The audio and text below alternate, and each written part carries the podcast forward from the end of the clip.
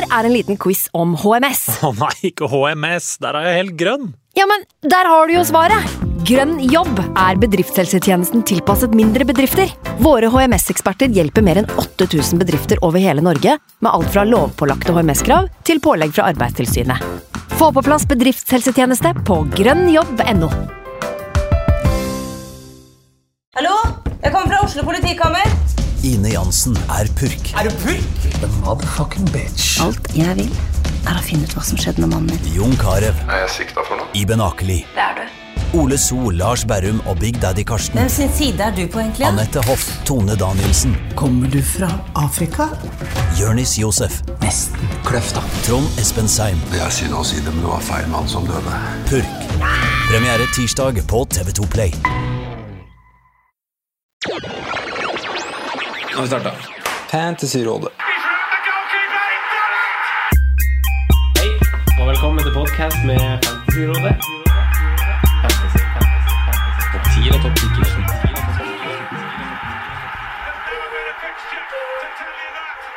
Hei, og velkommen til en ny, kall det gjerne en spesialepisode med Fantasyrådet. Mitt navn er Sondre, og jeg er veldig glad og syns det er veldig gøy å få ønske velkommen til det som er vår aller første episode om norsk fotball og Fantasy Eliteserien. I den anledning så er eh, freaken og geeken eh, Eller de to freakene og geekene er sammen i studio. Halla, Yes. Simen. Hei sann, hei sann. Skjer'a?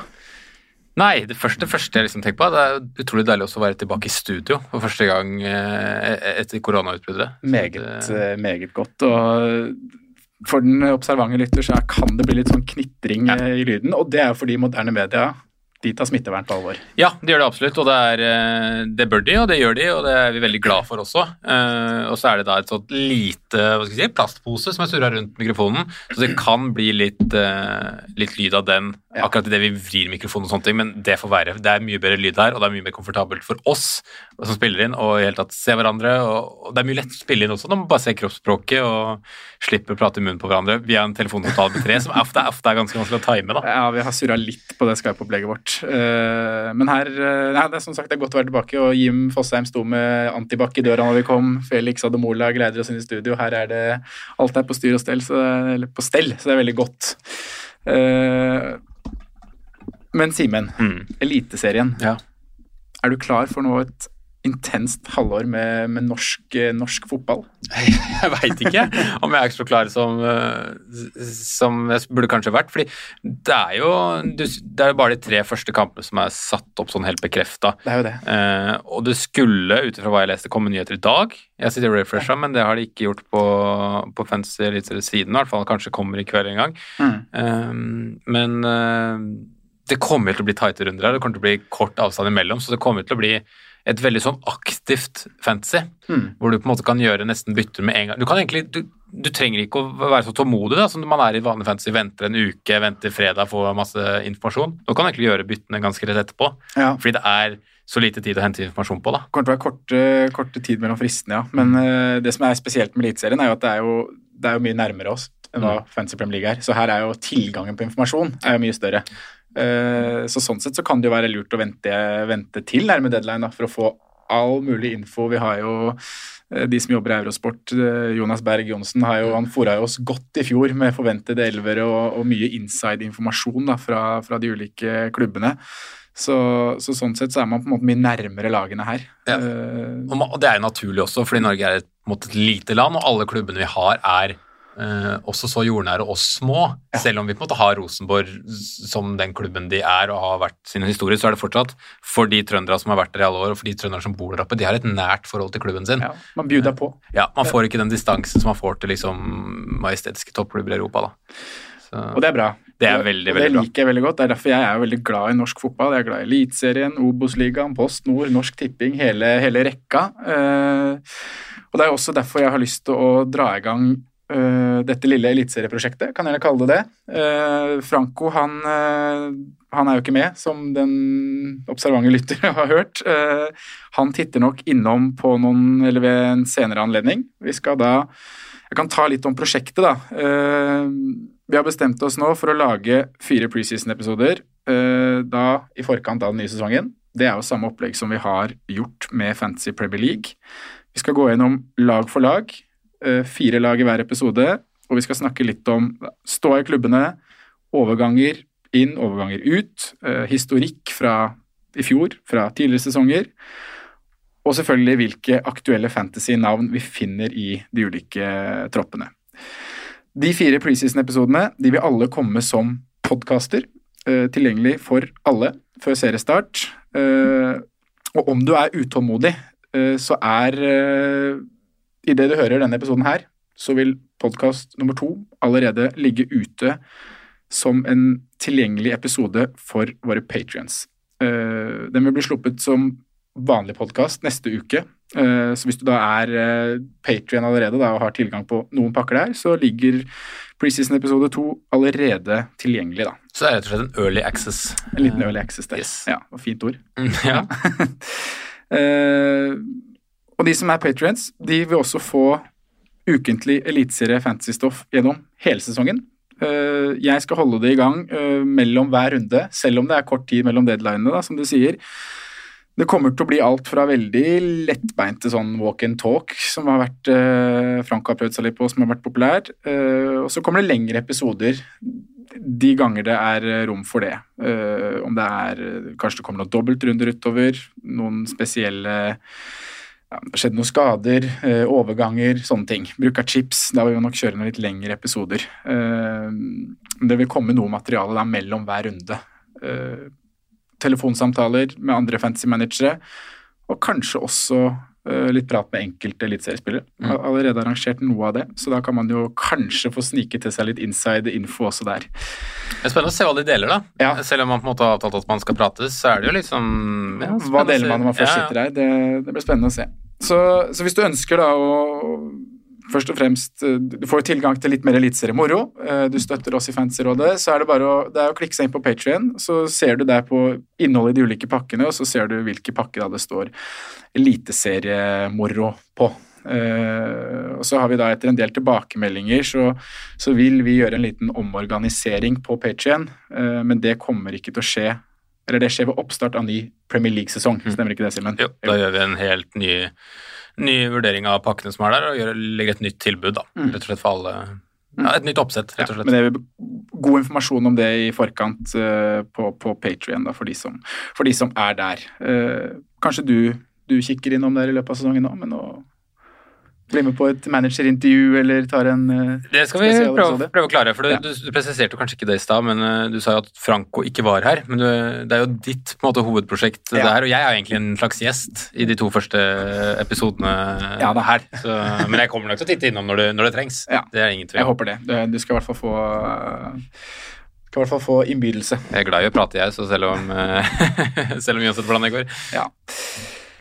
Skal vi gå litt over til å, å snakke litt om norsk fotball først, da, kanskje? Eh, vi var inne på det litt i forrige podkastepisode. Vi er ikke så anglofile som vi kanskje høres ut som på vårt interessefelt. Det er ikke bare Premier League. Du svelger egentlig alt, holdt jeg på å si, hvis det er lov å si, Simen. Du, du liker mye forskjellig. Eh, og ser du mye norsk ball? Ja, jeg gjør det. Og, og jeg har alltid egentlig Norsk gjort ball det. skal man si. Unnskyld at jeg avbryter deg, men jeg skal ikke si norsk ball. For det, ball, det er engelsk. Ja, Og så, vi har pastaball. Vi har uh, chorizo-ball i Ja. Spania.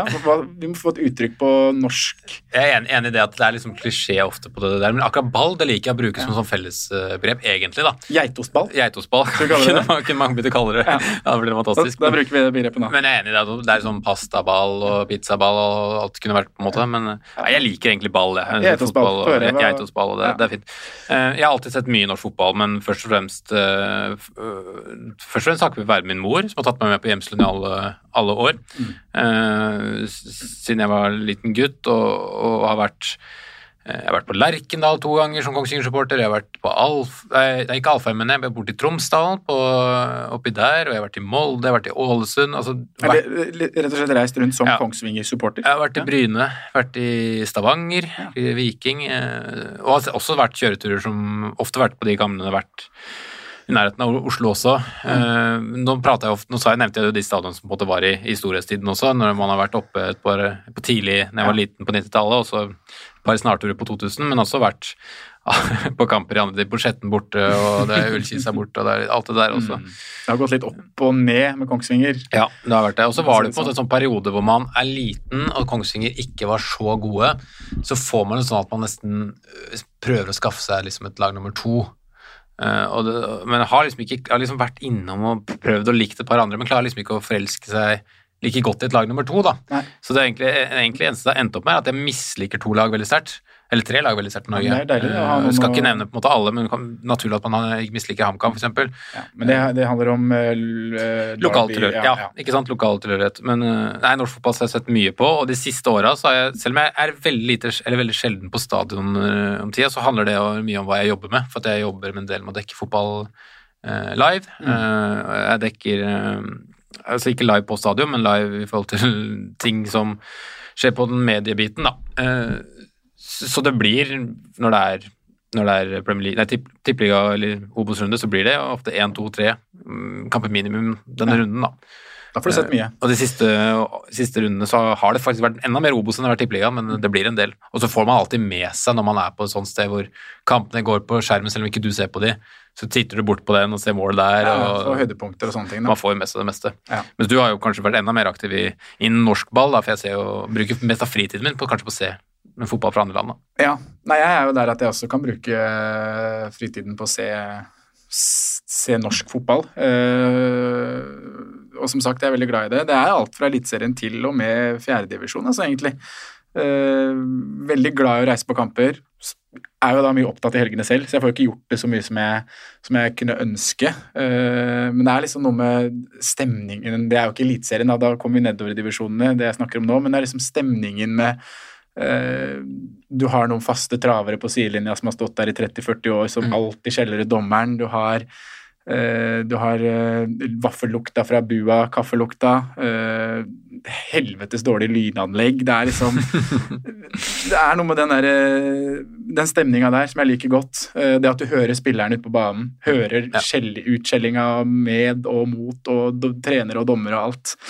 Eh, Jeg liker det, altså. Og så har jeg jo Jeg som deg har jo reist eh, jorda rundt, holdt jeg på å si, men jeg har reist Norge rundt da, for å, for å følge et lag, og det er jo Odd. Mm. Odd Grenland var det på den tid. Nå har det blitt eh, Odds ballklubb. Men uh, skal komme tilbake til det i den episoden vi skal dekke Odd. Men uh, det starta tidlig med, for min del at jeg begynte å følge Odd, og har vært, uh, vært mange steder uh, og sett på Og det, heltene skaff, fra Telemark. det skaffer jo sånn tett bånd, hvor det er mulig, selv om vi er faktisk et, et, hva skal vi si, et lang, Landet vårt er ganske stort uh, i, måte, i areal og utstrekning, selv om det er ganske lite også. uh, så, så er det jo det at man kan reise rundt, man har tilhørighet, bare ta en helgetur dit Mm. for å se en kamp. Og, Ja. og, og når det såpass er så nært som du sier også, da, jeg husker jo når vi spilte Jeg husker ikke hva det var, når, om det var Det blir vel KM-finale fordi vi vant fjerdedivisjon. Ja. Og når vi går ut der, når vi prater om spikeranlegg, eller sånn eh, dårlig Lydanlegg. spikeranlegg, så, så går vi ut da, til den der Pirates of the Caribbean-hymnen. Det er liksom den kampen som Det er så nydelig, Det er ikke noe Uefa Champions League-hymne, men det er Pirates of the Caribbean. Nei, men det er noe med det. det er så, da har den klubben det. Det er dens eget. Så det er, det er godt, det. Men uh, Fantasy Eliteserien, da. Åssen har det Hvis vi tar nå i gamle dager, holdt jeg på å si Det, var jo, det har vært noen sånne managervarianter tidligere òg. Hvis vi snakker om det spillet som eh, Eurosport har uh, laga, som er nå Det er vel fjerde sesongen. Mm.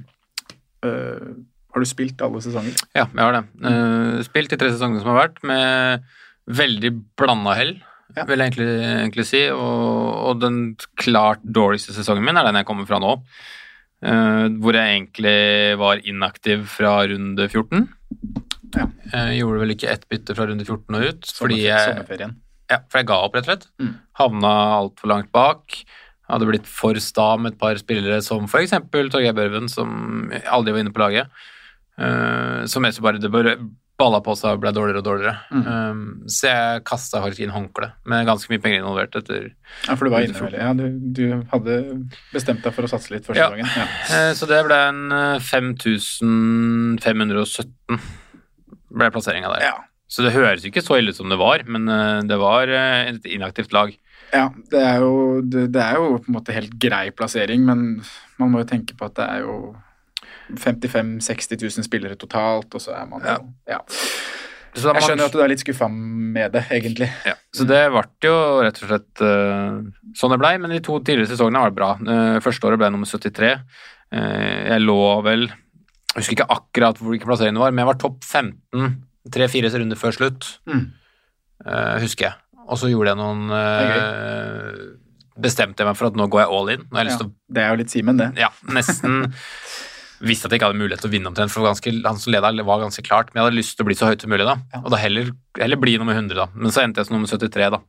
Angrer du på det nå, eller Nei, står du for nei. å ha gått for Jeg gull? syns det var helt greit. Eh, vant de fleste ligaene jeg var med i, bortsett fra et par hvor jeg var med Rasmus Wold i tillegg. Så han hadde også en knallsesong det første året.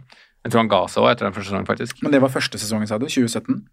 Ja, Ja. Uh, stemmer. Også- 2018, ja. 2018 var også bra, men ikke helt var 3, 317. Det er jo solide tall, Simen. Ja da, det er det. Er det. Men uh, der var jeg alltid på en måte hakket bak. Fordi på den første sesongen så lå jeg nesten hele konsekvent topp 100 Mm. gjennom uh, nesten hele runnet. Ja. Mens i sesongen 2018 så henta jeg meg inn på slutten. Jeg lå sånn rundt 1000, husker jeg veldig lenge. Og så Mm. klatra liksom om tampen. Men det har jo litt med at man er tålmodig med chips eh, Ja, og, Det sånt, da. eh, spiller Fordi det er mange som bruker det i starten, og så har man god flyt. Men, men taktikken da i begge årene har jo på en måte vært Eller det skal du kanskje gå innom på seinere, men, ja, men eh, hopp, og, hopp og strategi og taktikk. det har ofte vært et sånn mye mer lettbeint fancy, hvis vi skal kalle det det.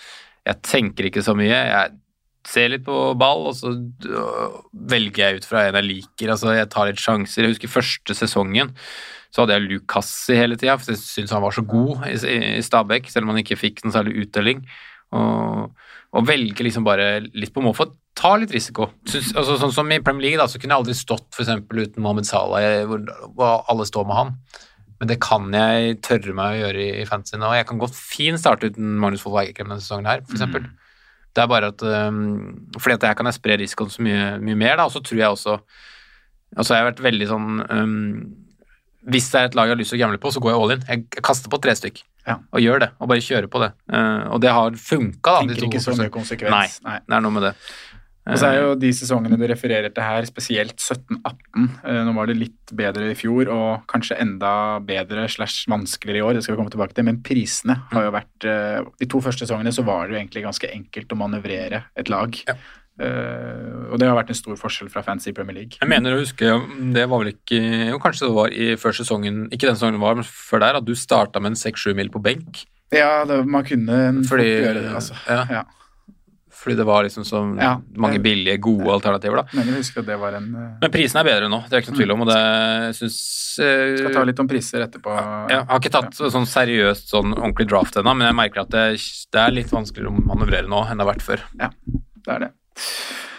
Jeg har uh, også spilt alle tre, tre sesongene, uh, og gradvis gjort det bedre. Uh, og det er jo ikke helt i tråd med innsatsen jeg har lagt inn, for de to første sesongene var de jeg på en måte satsa mest og la mest i potten sånn pengemessig, da, hvis man skal måle det som en innsats her.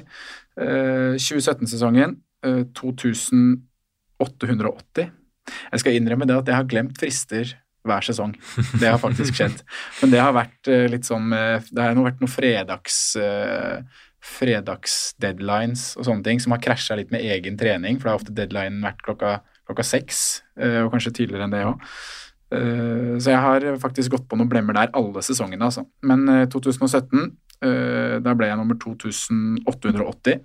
Det var litt sånn Litt sånn halvveissesong utover, da. Litt som den du beskriver. Jeg, jeg kasta ikke en håndkle, men jeg kunne faktisk eh, ja, drite litt mer i det og både hoppe over én og to gameweeks. Eh, 2018, da ble jeg 1449. Eh, da var jeg veldig skuffa, for det var en sesong jeg brydde meg ordentlig. Da prøvde jeg virkelig å, å gå hardt inn for det. Og da tenkte jeg før 2019-sesongen, som var i fjor, at eh, nå skal jeg prøve noe jeg egentlig ikke gjør i fantasy, det er å spille ordentlig yolo. Eh, gå for magefølelse 100 eh, Basere valg på hva jeg ser, selvfølgelig, og enda mer på hva jeg tror. Eh, kunnskapen mener jeg er ganske stor her. så jeg jeg ville liksom prøve å være litt eh, ja, Ikke drodle med så veldig mange andre, og, og, og, og stå på egne bein, da. Eh, og det ga meg en ok start, eh, og så snudde det Eller det snudde ikke, men det ga meg et bygst. Eh, jeg husker ikke hvilken runde det her var, da, men Lajoni med Mener du husker det var hat trick og assist Mm. hjemmekamp, og jeg hadde den som cap. Ja, men det ikke var to pluss en. men det var en, ja. bra return der, ja. Stemmer og det. da var jeg oppe på, på ja, helt der oppe. Uh, 20.-plass og opp. Og spilte godt inn, da, for å si det sånn. Og var helt oppe på topp fem, altså snusa en periode. Uh, falt litt mot slutten. Uh, Klatra litt igjen i siste serierunde og endte på plass nummer ti totalt. Ja. Det er vanvittig sterkt, da. Så det var kult. Det. Eh, Det var jo litt da selvfølgelig kjedelig at man ikke hadde noe eh, Man har jo selvfølgelig de prestisjeligaene, da, som er det viktigste. Mm. Det er jo det, men eh, man kunne jo faktisk tjent litt kronasjer her òg, da, hvis, hvis man hadde gått inn med noe. Men sånn, det, det er jo Man sier at man er skuffa med en eh, 2000-plass her. Hva er målet ditt, målet ditt for sesongen nå? Skal du ha det moro, som du sier? Eh? Ja, altså Jeg har ikke satt meg noe sånn konkret mål, altså, for å være helt ærlig. Um, jeg kommer til å gå inn med sånn medium pluss uh, innsats. Finne, prøve å finne litt liga med litt forskjellige folk. Jeg syns det er litt kjedelig å være med i liga hvor det er de samme folka egentlig basically alle. Mm. Uh, prøve å få fordele litt uh, sånn sett. Og så um, er uh, målet er alltid å henge med, alltid å gjøre det best mulig. Men uh, jeg er egentlig fornøyd hvis jeg jeg kan si at Vi kan lage meg et mål nå på topp 500. Det er fint mål. Fint mål, for det tror jeg er overkommelig. Og, og, men fortsatt at det er, du skal jobbes for å komme dit. Mm. Eh, Det er ikke bare bare å velge en topp 500-plassering, det er det absolutt ikke. Men Nei da, eh, det er jo mye ikke sant, som det er, det er et spill hvor mange får mye info. Ja. Eh, så Og så er det eh, mer tilfeldigheter enn det er i Premier League, tror jeg. da. det er nok kanskje sant, det. Jeg har lyst på tosifra, jeg, altså. Mm. Jeg vil inn på, vil inn på topp 100. Jeg, skjønner at du vil det. Ja. Eh, og det er også eh, riktig når du blir nummer ti i fjor, å sette seg et eh, veldig høyt mål. ja. Vi har en koseliga, Fancyrådets koseliga. Den er lagt, ut Instastory og sånne ting i dag med, med ligakode.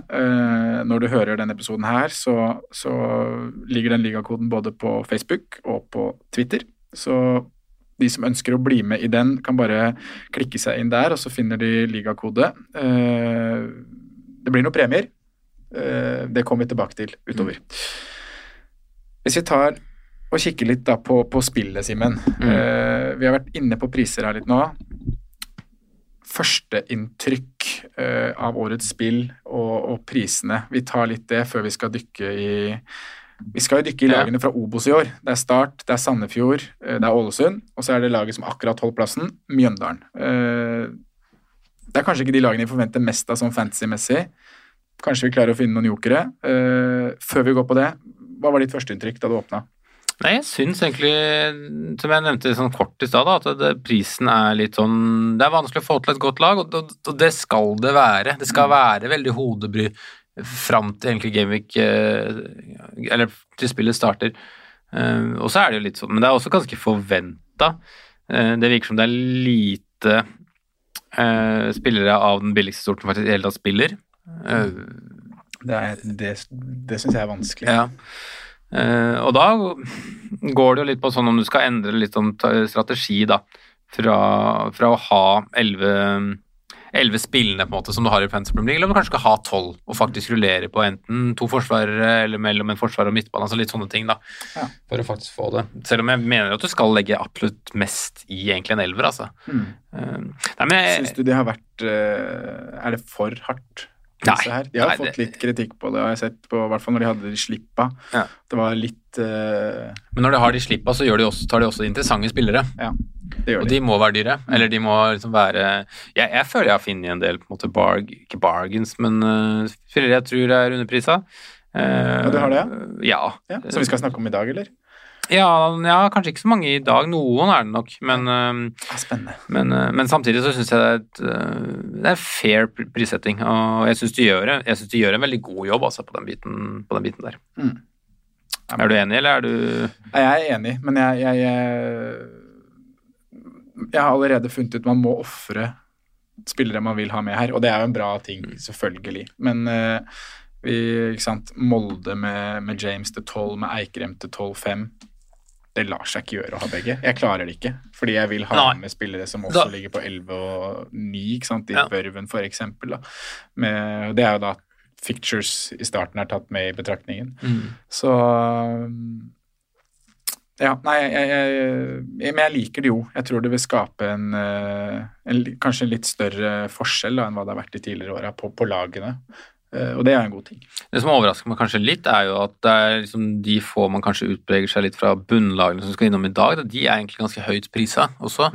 Ja. Eh, Hvis man skal ha de som de enkeltspillerne, kan jo nevne allerede for, for eksempel Niklas Castro, da, som kanskje var veldig, den største praten av de nyopprykkene, mm. er helt oppe på 8,5. Ja. Eh, Og det er ikke noen billig spiller i fancy sammenheng. Du skulle sett for deg en fra Det er Mares. Eh, Det er Mares, ikke sant? Eh, Sett for deg en nyopprykka til Premier League hos 8,5, så skal du være ganske god, altså. Ja. Uh, For, for det er ikke mange Det er ikke lenge siden for eksempel Roberto Firmino var på 8,5-9 Det er sant, altså. i Liverpool som midtbanespiller, så, så det, er, det er tøff prissetning, men eh, det første laget vi skal til, er jo ikke så, så dyre spillere. Vi, vi hopper dit, vi. Du skal jo være med, det er allerede klart, du skal være med i neste episode. Eh, Så da skal vi snakke litt mer om pengedisponering og sånne ting da. Så vi, vi gjør som du sa her nå, vi hopper til lagene, og vi starter vel på Sørlandet.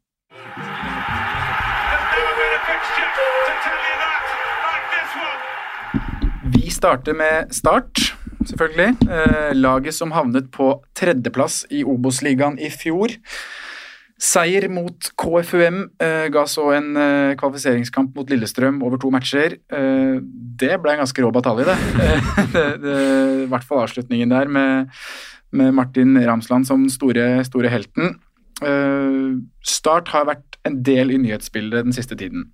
De har mistet sin bauta i forsvar, Damien Love, eh, og det er engasjert nå sist da Lillejord eh, for å hjelpe til på overgangsmarkedet og i kontraktforhandlinger. Agenten, da, altså. Eh, og det er jo noe som har fått veldig mye Det har vært veldig mye meninger på det eh, rundt omkring. og vi, vi trenger ikke å diskutere det noe mer, vi. Eh, men det er i hvert fall, Start er en klubb det skjer ting i, eh, og som har vært veldig mye i mediebildet. Og en klubb som kanskje eh, mange eksperter og ting som, folk som mener ting om fotball, har jo sagt at koronakrisen har vært eh, spesielt uheldig for Start. Eh, og det handler jo om ustabil økonomi, det handler om eh, lite kapital hos eiere, eh, og heller ikke noe særlig sånn feste på Sørlandet. Eh, det er litt merkelig, men eh, du som kanskje har sett litt Obos og Start de siste åra, har sett at det har vært det er veldig ofte tomme tribuner. Eh, og det er jo engasjement der, egentlig. Det har vi jo sett tidligere i år, men det har på en måte bare blitt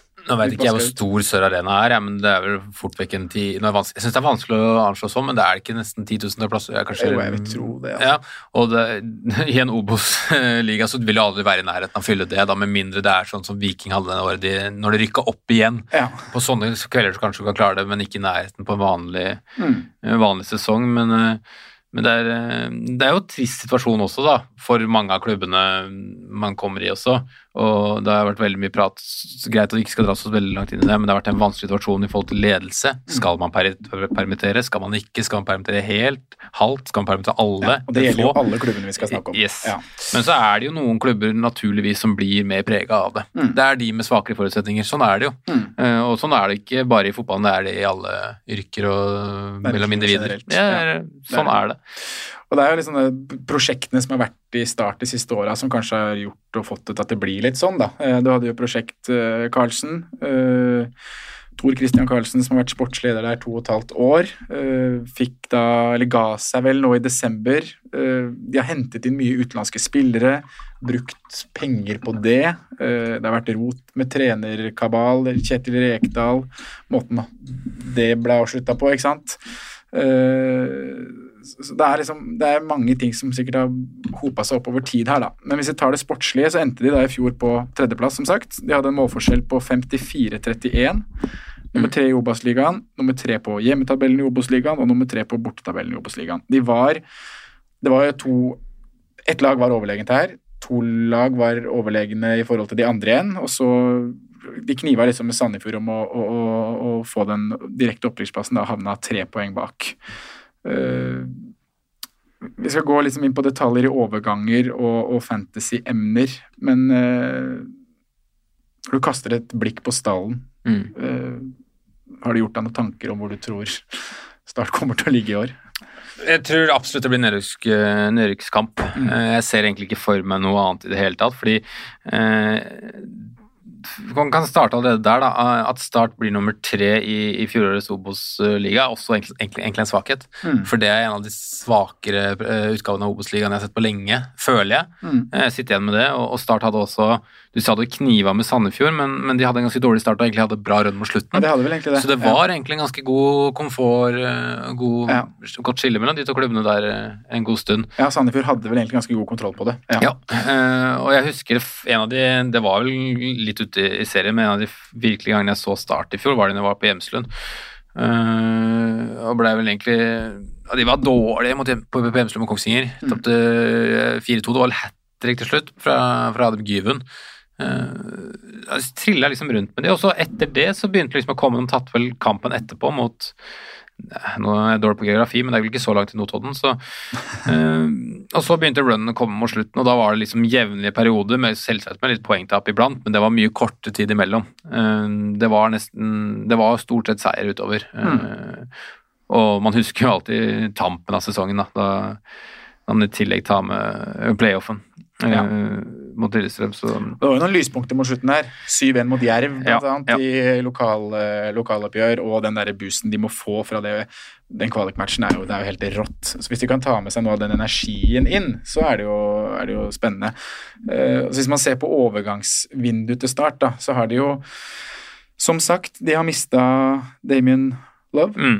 Love. Eh, og det er jo også en merkelig greie, eh, måten det bare plutselig skjer på. Ja. Det er en god midtstopper. Det er det. det er På det nivået her så er det det. Ja, det er deres absolutt beste midtstopper, og en midtstopper som hadde spilt i veldig mange eliteserieklubber. Mm. Uh, og det er jo hvorfor det skjer som det skjer, det er jo spekulasjoner på at det bare handler om økonomi, at de må frigjøre lønnsmidler osv.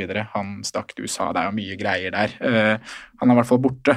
Uh, det samme er Aron Sigurdarsson. Ja, og han var eh, kanskje, kanskje ligaens beste spiller i fjor. 29 Um, matcher, 13 mål, Ja. 10 assist. Ja, han var, eh, han var veldig bra. Mm. Og fikk vel egentlig den sesongen man håpa han skulle få eh, når han var i Eliteserien. Eh, Ja, da de henta han, ja. Eh, så var det liksom Det var liksom befriende å se at det funka for han. Fordi at det er en spiller man føler har vært, han har vært mye prata om i det norske fansmiljøet og, og egentlig norske fotballmiljøet, men han har liksom ikke fått det helt til som man forventa. Det har alltid vært noen lister over, over han da, som man føler man kan, kan strekke seg til. Og jeg syns egentlig han fikk ut ganske mye av det av det som bor inn i fjor. da. Og det har vært kult å se om han kunne tatt eh, enda et steg, eh, steg dit, men nå dro vel han Det var vel ikke noe all verdens storklubb han dro til heller, han dro vel til noe belgisk Var det Jeg lurer på om det nesten ikke var belgisk førsteliga, det var vel ikke prolig? Det var Jo, det var det kanskje. Jeg vet ikke hvilken divisjon det er, nei. Det, Eh, skal vi se Royal Union Sankt-Gilosi, det er ukjent for meg, altså, men um så det stussa at han ikke gikk til en enda større klubb når han først, uh, først dro, men han ble jo lagkamerat med, med en tidligere FM-legende, da, Sebastian Poc- Pocanagli. ja, så der, ja. Spennende å følge deres eh, Ja, kanskje det blir noe på, egen, på samme siden der. Men eh, ikke sant, de to spillerne ut, da, eh, Damien Love og Aron Sigurdarsson, klart det betyr mye. Eh, og så Hvis man ser da på hva Start har henta inn, så snakker vi Amund Vikne fra Viking. Mm. Eh, han skal jo ikke spille. Nei, jeg, jeg, jeg syns Stømland er bra, jeg. Ja, ja, det, det, er, det mener jeg i hvert fall er klink. Eh, man har henta Henrik Gjesdal fra Kristiansund, som eh, Har han fått over 20 kamper på de sesongene han har vært der, da? Nei, altså, jeg har sett uh, veldig lite av Gjesdal, jeg, for å være helt ærlig. Ja. Uh, og så har de da Som jeg syns er en fin og god signering for Start, det er Eirik Skjulse. Mm. Som nå har eh, på en måte tatt Han er jo sørlending. Han er vel fra Jeg vet ikke, jeg skal ikke trå helt feil, men er det Mandal, da? Kanskje det er Kristiansand? Han er i hvert fall fra Sørlandet. Mm. Uh, og vært litt rundt om. Kommer nå fra Sogndal. Uh, og det er på en måte en riktig profil, da. Hente en, en sørlending. Uh, bygge litt sånn her eh, lag rundt lokal, lokal forankring.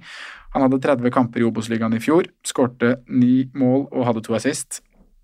Er det en Sigurd Sigurdarsson erstatter. Jeg tror ikke det. Jeg tror ikke han er i nærheten av det, det kaliberet. Nå skal jeg sies at jeg ikke har sett jeg har sett sånn Schulze sånn her og der. Han har liksom aldri imponert meg sånn voldsomt på Obos-nivå, verken i, verken i Sogndal, Ulf eller Strømmen. Um, men at uh, han, han jevnlig blir blant de bedre klubbene der, og blir henta til start når de rykker opp, så sier de noe om at noen har sett han ganske mye mer enn meg. Mm. for, for, for, for sånn. Men jeg tror ikke han er på nærheten av nivået til, til Sigurdarsson. Og så blir de også litt sånn usikre egentlig på hvordan de skal stable den, den, rekka bak der. Men han er nok til Nå har han jo hatt noen problemer, rett som jeg skjønte, med en lyske i vinter. Umulig å vite egentlig hvordan status er der nå, men han har, han har gult flagga på spillet, ser jeg. Ja. Uh, litt usikker på hvor, hvor, han skal stable, for det er vel en spiller som Jeg mener vel at han hovedsakelig er en sånn mellomromsspiller. Uh, og liker seg egentlig aller best der, men han er vel også en spiller som kan bekle en kantrolle i en 4-2-3-1. Ja, han er vel det. Og det var der Sigurdarsson spilte. Ja. ja.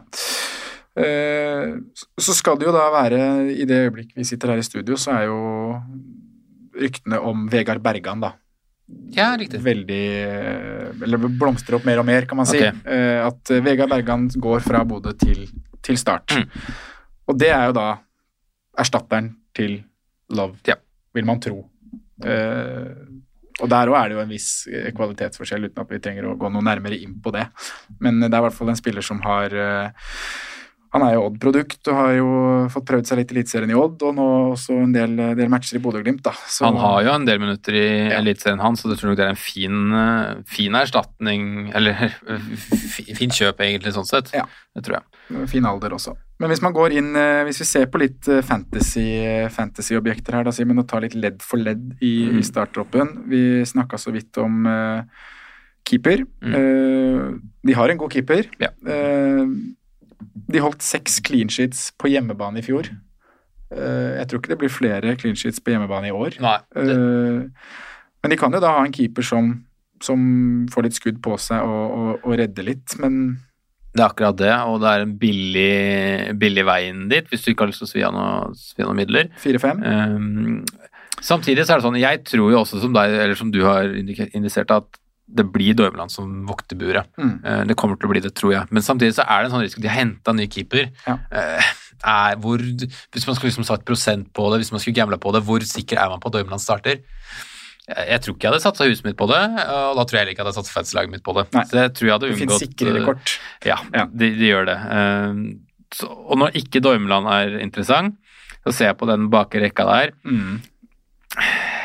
Må vi innom noe der, tenker jeg. Nei, vi trenger vel egentlig ikke det. Det har jo da vært eh, en liten eh, snakkis eh, om at i forsvaret til start så kan det vise seg å være en juvel til 4-0 som kanskje kan få en spillende plass, da, mm. i og med at de mista midtstopper. og det er han Jesper Daland. Mm. Men hvis Vega Bergan bekreftes, så er vel den død? Ikke sant. Det er jo det, det jeg tenker òg. Men man må jo selvfølgelig følge med på det, da. Men, uh, så det er en liten sånn sett på watchlist, følg med. Uh, vi har ennå ikke nevnt noen treningskamper, men uh, vi vet jo ikke om det blir noen treningskamper før start.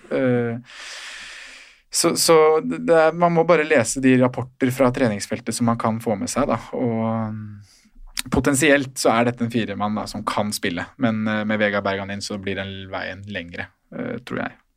Og de andre ja. der, som du sier, det er vel ikke noe å hente der? Nei, det, jeg tror ikke det er noe å hente der. Hvis jeg skulle valgt en, så tror jeg jeg hadde valgt Tønnesen, altså når den hadde stått akkurat nå. Mm. Men jeg, jeg er ikke sikker på, på, hvor trygge de er bak der heller. Um, for å være helt ærlig. Jeg kjenner ikke så godt til den defensive Nei, Du har Joakim Jørgensen, da, ja. som er en god midtstopper. Koster 4-5. Uh, eh, Men fortsatt skal i kamp med, med Gjesdal og eventuelt Bergan, eventuelt han Fireblanken og, og Robstad òg. Kan vel spille litt sånn, litt sånn potet som kan spille og, ja. overalt. Så, men, men, men, det er jo på en måte, det er litt sånn, det er ikke vits å snakke så mye om det, for jeg er det er klart nei-mat, mm. alt sammen. Uh, og de møter jo lag som Vi skal ikke snakke om Sandefjord og Molde Nei, Strømsgodset og Molde i dag, men uh, Start har de to lagene i løpet av de tre første matchene. Mm. Det er lag jeg tror det er mål i i år.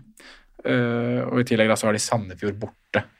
Så det er sånn der litt uggen start for Start, selv om de har to hjemmekamper i løpet av de første Ja, tre. den er litt sånn uggen, men den er ikke helt sånn Det er ikke det verste man kunne fått heller. Eh, Så hvis Start kommer seg gjennom der med, med tre plusspoeng, så bør de være fornøyde.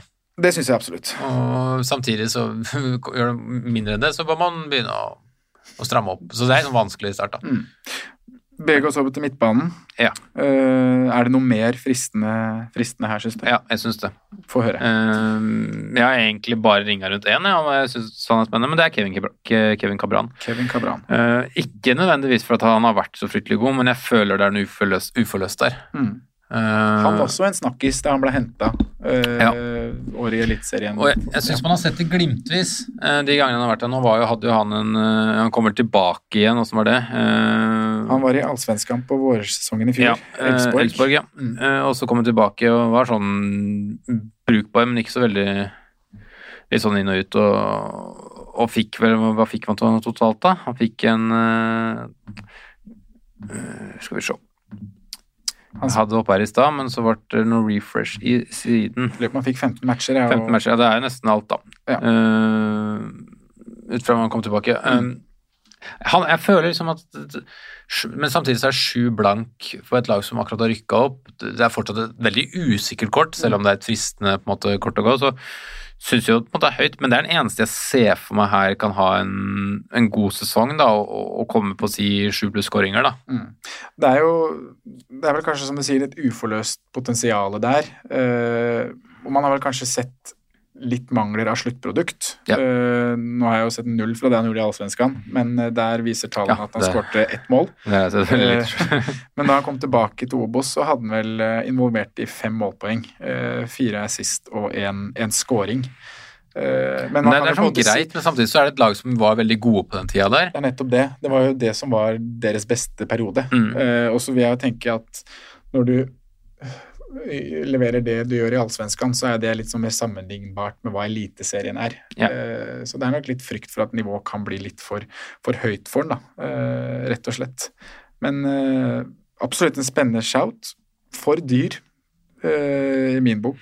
Ja, han ender nok fort på det, men jeg syns man uansett kan Man kan trykke på, på informasjonsknappen på, så kan man trykke på 'legg til ønskeliste', og så kan man bare la han ligge der og lure. Ja. For han syns jeg det skal være med Ja. Øh, Jeg synes han skal Og nødvendigvis ikke han er der til fristen, så skal han være, være på den der øh, watchlista di. Mm. Kasper Skånes eh, koster 5-5. Mm. Han skåra syv mål i Obos-ligaen i fjor. Fikk eh, en assist. Eh, Ja, jeg syns fortsatt han har vist for lite. Altså de, han har fått et år, da, så det kan hende at det hjelper få at han vokser, som sier, at han har skåret sju mål, og at det kanskje er grunnen at du kommer deg opp et nivå, da. mm. For du gjør akkurat det der, men, jeg syns han har vist altfor lite, både i, både i Start og Brann, og har vært i, i Tippeligaen, altså. Jeg er for så vidt enig. Uh, og så har du jo på midtbanen der, så er det jo noen uh, Hvis man skal ha litt sånn benkefyll, da. Eh, Aremu, han er vel et eh, gult kort, eh, eller et vandrende gult kort med ni gule kort i fjor. Koster 4-5. Det er vel det er vel ikke en Den Donker engang. Det er vel en Douglas Lewis. Ja, jeg, jeg veit ikke helt hvordan det blir satt opp der, men blir det en uh, segberg RMU kanskje, på de to dype? Mm. Uh, og så blir vel kanskje den trioen Kabran, Schulze, Skånes, Ja, kanskje med konkurranse om Markovic. Markovic ja. også, ja. Eh, det er vel kanskje de, det som er naturlige Ja. Uh, Midtbanen, også han Hadzic sitt er konkurrent på en av de dype plassene, som jeg har skjønt. Ja. Uh, Hortensgutten. ja. Mm. Hvis vi beveger oss over til, til angripet, da. Eh, ja, du, du humrer litt. ja. Jeg gjør det, altså. Ja. Jeg tenker jo på den der forferdelige kampen dere skal ha. Ja. Eller forferdelig Hvordan du ser på det, den eh, utrolige eh, En kamp man husker, da. Martin Ramsland, altså. Han Ja. eh, ble helt, han der. Vurderer du Martin Ramsland til syv blank eh, fra start her, mot eh, Godset som, som slapp inn mål i fjor, mot Sandefjord som slapp inn mål i fjor, og mot Molde som Jeg, jeg gjør vel egentlig ikke det, Eh, men jeg syns egentlig prisen på han er god.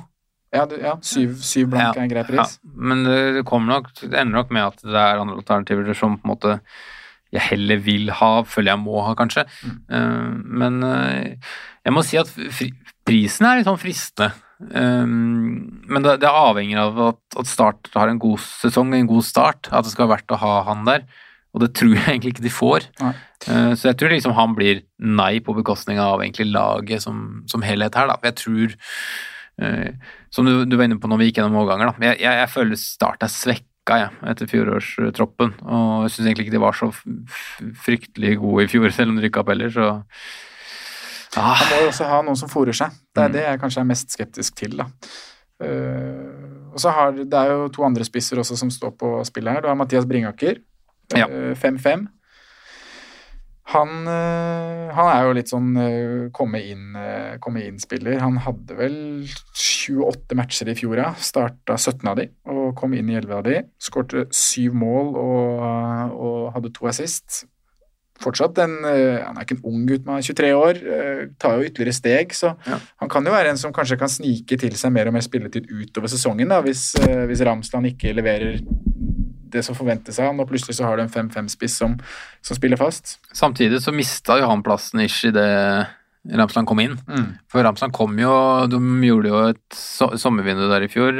Start med, med Tobias Christensen gikk vel ut. Mm. Um, og, så, ja, og så kom uh, Brukte de litt av de penga på å hente Martin, uh, Martin Ramsland. Ja. Uh, så um, ja, nei, jeg, jeg, tror egentlig både Bringaker eh, Eller egentlig Bringaker først og fremst er backup. Eh, kan også bekle noen, kan kanskje en plass i den treeren bak, ja. men det er ikke der han kommer til å spille. Det er, det er i så fall hvis det er flere ut, eller flere ut av form. Ja. Um, det, han er et utprega backup, så med mindre det er en skade, så ville jeg ikke tenkt så mye på Bringaker, altså. Nei. Akniemi, da? Skal vi si Akiniemi, Han kjenner jeg veldig lite til. Jeg husker jeg eh, hadde den på Fantasy det året han kom til start. Ja, jeg, tror jeg, jeg, tror faktisk ikke jeg har sett den. Uh, han har vel vært på utlån eller noe, om jeg ikke tar helt feil nå den sesongen som har vært. Ja, det kan sikkert uh, stemme. Jeg tror ikke han har mange kamper uh, mm, Han hadde én kamp, står der i fjor, mm. for, for, start, så nei, jeg kjenner ikke til han. Hvis du tar, og, tar noen konkluderende ord på start, Simen, så jeg konkluderer med at jeg tror det blir tøft for Start, og jeg syns egentlig at troppen deres ser nesten dårligere ut enn den de starta med Obos-ligaen i fjor. Mm. Uh, og da har vi et lag som, som, som ble nummer tre i Obos, ganske klart bak de to andre som rykka opp. Uh, I hvert fall var det mm. Selv om det kanskje ikke ble Jeg husker faktisk ikke hvor mange poeng det ble på slutten der, ja, men det er egentlig ikke uvesentlig.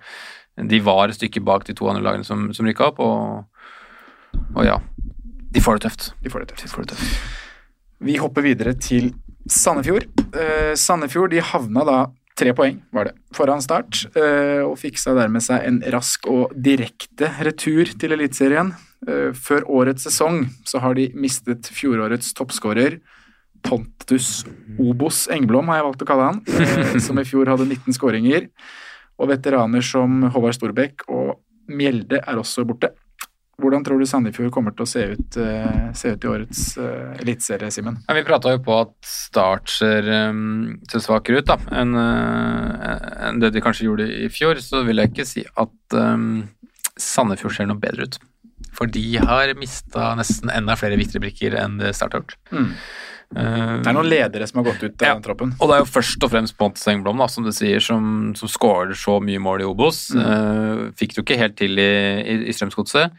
Uh, det er et kjempestort tap, tror jeg, uh, for en sånn type klubb som rykker opp og trenger den, den, eh, den storskåreren sin. Ja.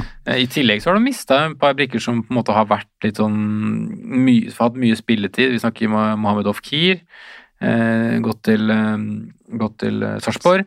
Vi har eh, et par spillere som, som legger opp, eh, som er ferdig eller i hvert fall ferdig på, på toppnivå, så mm. fikk mange kamper i fjor. Så Sifuentes skal jobbe litt med å sette, sette en god elver her som, som, som, kan ikke bare altså De må ta poeng, og de må ta en del poeng for å holde seg Jeg, jeg sliter med å se for meg at Sandefjord skal klare seg i det hele tatt, jeg, altså. Ja.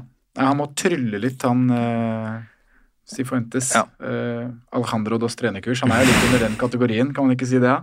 Han eksperimenterer litt og er en litt annerledes type, uh, noe som er veldig kult. Men jeg også er, uh, jeg er stygt redd for at det blir en veldig, veldig tung sesong altså, for, for Sandefjord i år. Ja. De var jo et lag som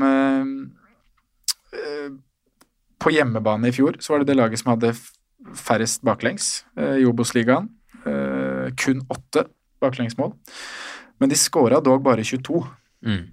Uh, så det var mye 1-0 og 2-0-seiere på hjemmebane. Uh, og det, det å bare skåre 22 mål, det er litt sånn midt på tabellen altså når, du, når du sorterer etter antall skåringer. Uh, så, så de slet jo faktisk litt med, med å skåre mål i fjor. Hadde faktisk ti clean sheets på hjemmebane av 15 kamper. De hadde et braktap mot Sogndal, og så var det to i sekken fra Kisa eller noe sånt, så det var, jeg tror det var 3-0 i tapp mot Sogndal. Jeg så fem av de åtte baklengsmåla på hjemmebane, de kom jo i to, to kamper. Mm. Så det var, mye, det var mye clean sheets hjemme, så det er en positiv ting. Eh, målforskjell totalt på, på 53 skårede og 30 innsluppende. Så da, det betyr at de er liksom på De er på ett et i snitt bakover, da. Ja, altså, Det, det er jo ikke akkurat overbevisende når du skal opp i Eliteserien. ja. Og så du prater om at du, tar, at de skårte lite mål, da. Og så når du sier at Håvard Storbekk og Pontus Engblom er borte, så er det 26 av de måla de skårte, Mm. uh, som de to sto for. Mm. Uh, Nestemann uh, nestemann da er eh, Rufo med fem. Så Nei, det, det er lite mål igjen altså, i den eh, troppen der. Ja, det er jo det som er litt, eh, litt urovekkende. For hvis du ser på hva de har erstatta erstatta disse gutta med, da. eh, hvis jeg starter med den aller, aller viktigste brikken, som du nevner, Engblom. eh, inn der så har de henta Gussiås. Mm. Eh, han er vel Molde-produkt, om jeg ikke tar helt feil. Blitt henta til, til Strømmen. Mm. Eh, spilte der nå i, i Obos-ligaen. og Antall skåringer han endte på, det husker jeg ikke, men han, han var vel opp mot ti skåringer i, i Obos-ligaen i fjor for et Strømmen-lag som, eh, som klarte å holde plassen. Men er det Engblom-erstatteren? er det som er spørsmålet her. Jeg har sett, uh, sett litt av Gussiås i Strømmen, og jeg syns han på en måte er bra. Uh, men jeg tror ikke han er god nok eh, som spiss for et lag som skal være nede i bunnen av Eliteserien og klare seg. For altså, du må, Da må du gjøre mye aleine, du må være veldig god på, i kontring, kontringsfasen, du må utnytte sj- sjansene dine og alt det der. Jeg er litt, litt skeptisk han holder nivået til det. Altså. Nå har jeg hørt at de leiter fortsatt etter en spiss og en erstatter til der, men eh, jeg syns Gussiås for all del er spennende eh, som fotballspiller, men eh, Tolv mål Jeg tror ikke. Ja, fjor. 12 mål. 12 mål på 27 kamper, det er bra snitt, det, altså. Ja. Det er jo det. Og spesielt hvis du tenker at Strømmen var jo et lag som, Ja. som Det er ikke topplag. Nei, men han skal et nivå opp. Han skal et nivå opp. Han Og skal, det er forskjell på å møte, mm, møte Rosenborg og Øygarden. ja, det er det.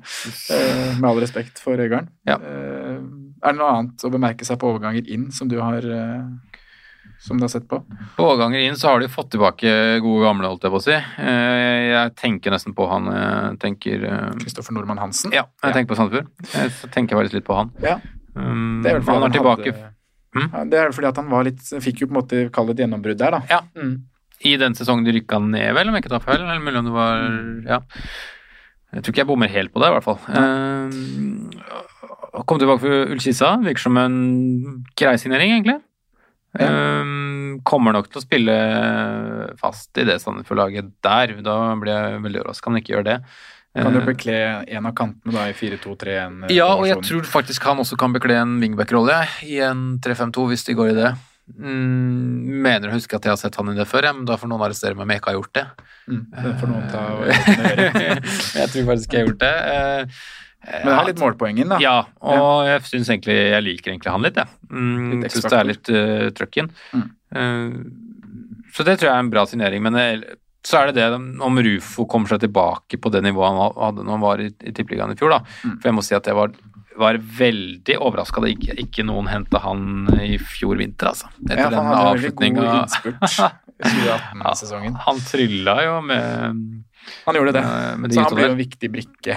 Eh, Sammen med han derre på Mårer. Han, han er ganske fet eh, spiller, han òg. Det var kult, eh, kult med de gutta der. Ellers har de jo henta, henta De har fått tilbake noen lånespillere. Mm. Eh, Herman Solberg Nilsen fra Fram Larvik. Sander Isan Mørk fra Fram Larvik. Eh, har spilt mot de i år, faktisk. Vi Ja. hadde Fram Larvik i avdeling. Eh, og det er jo spillere som absolutt har talent her, men eh, Eliteserien blir for tøft, tror jeg. Eh, Helt ukjent for meg. Har Ja. ikke Spennende potensial, så kan absolutt være at de blomster bl- blomstrer til og, og, og, og ta, spiller seg inn etter hvert, altså. Få minutter, men ikke noe start, materiale, tror jeg. Eh, Erik Brenden, Mm. blitt signert fra Lillestrøm. Trysling, han. Hm? Ja, Trysling, han. Trysling, han. Mm. Ja. Han har vært litt skada nå i oppkjøring, vet jeg. Var i hvert fall skada under oppholdet de hadde på, på treningsleir før, før korona. Så Men det også er vel Jeg vet ikke om vi kaller det en forsterkning, men det er jo en spiller som på en måte har vært en uh... Jeg var overraska hvor mange tippeligakaper han faktisk hadde, hadde på CV-en sin. Mm. Uh, selv om jeg antar at de aller fleste på den statistikken her er vel faktisk inne opp, tror jeg. Uh, Ja. For han har jo vel aldri vært skikkelig fast i, Nei. i noen klubb, men, men Brenden er egentlig en ganske anvendelig spiller, så sånn sett så tror jeg det kan være en grei signering, men om han, er liksom, om han har nivået til å til å dra på en måte et bunnlag, for eksempel, da. Eh, eller om han bare på en måte blir en av de eh, Det er jeg litt usikker på. Mm. Men jeg husker han alltid Jeg husker fra jeg var yngre, at han, var en kullet yngre enn meg, tror jeg. Eh, Ja. At han var ganske god, god spiller, og sønnen til selveste sjefen i Trysil der, så Hadde kun tre kamper fra start i fjor. 15 Ja, ikke sant. Så det er eh, Jeg så at han hadde to, var det 62 matcher, mener jeg, når jeg sjekka han i stad. Uh, I Eliteserien totalt. 63 kamper. Uh, og det var jeg faktisk overraska hvor høyt det tallet var. Ja. Ja, det- men nei, jeg tror ikke det er en sånn uh, Jeg tror ikke det er veldig mange målpoeng å hente der, men hele Sandefjord er jo billig her, for så vidt. Bortsett fra Den dyreste er jo Rufo på 6,5. Ja. Men Hvis vi starter litt, starter litt bak, da, mm. på Igjen et lag, tross det de hadde få baklengs i fjor, spesielt da på hjemmebane, da. Eh, likevel, jeg er ikke der at jeg kommer til å starte med noen, eh, med noen Sandefjord, eh, Sandefjord-spillere. De, de møter Som sagt, da så har de jo start i runde to. Eh, før det så har de Odd borte og Stabæk borte. Mm. Det er to tøffe kamper. Ja, det er det. Uh, og det er litt synd, da. Det eneste som jeg syns er synd, er jo at godeste mm, Godeste Anton Kralj eh, dessverre fikk prislappen fem blank. For hadde han vært 4-5, så kunne han vært interessant. Han var veld, veldig god i veldig god i Obos i fjor, og, og fikk ikke han en slags pris også? Det er godt mulig. Eh, Mener han gjorde det. Men, han var god, eh, og han er, han er spennende.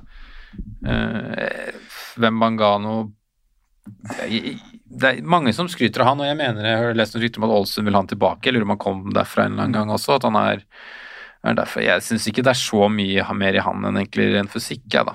Eh, Når disse da gutta som du nevner nå, er jo prisa på fem. Så Ja. det blir jo 0-5. og de er prisa på fem fordi de har bekledd wingback-roller Ja. i en 3-5-2. Ja. Eh, Selv om man er litt usikker på hvordan Sifuentes vil, vil sette opp nå, da. Eh, Men det er nok grunnen til at jeg er prisa til fem. Jeg kan ikke se for meg Noe noe annet. Og så har du jo da nå er jo det, det er også et rykte som, eh, som har kommet i går kveld og i dag. eh, og Det er at Marius Høybråten uh, er på vei ut.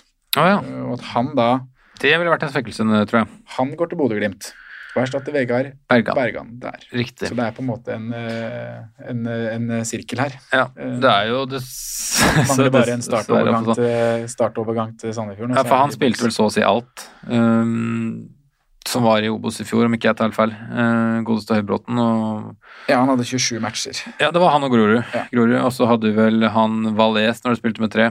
Mm.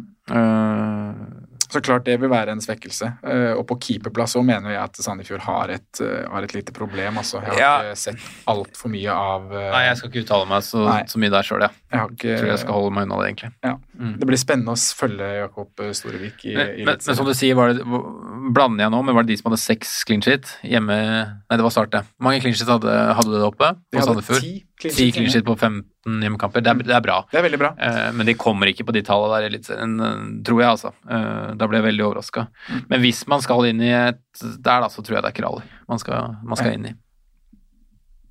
Midtbanen, da. Da har du vært litt inne på Normann Hansen. Han koster seks. Eh, Det er han jeg ville sagt nå. mm. Det er det, selv om uh, Rufo er på 6-5.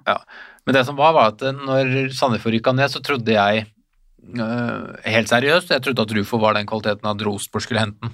Så Ja. god syns jeg han var eh, mot slutten av syv mål denne sesongen. Ja, på slutten av sesongen synes jeg han var helt, eh, helt fantastisk. Eh, så ble det Sandefjord igjen, og han har ikke vært dårlig i Obos, han, men han har ikke vært det nivået som jeg trodde den gangen han var på. Eh, men han er en fin, eh, fin spiller. Eh, jeg hadde fem mål.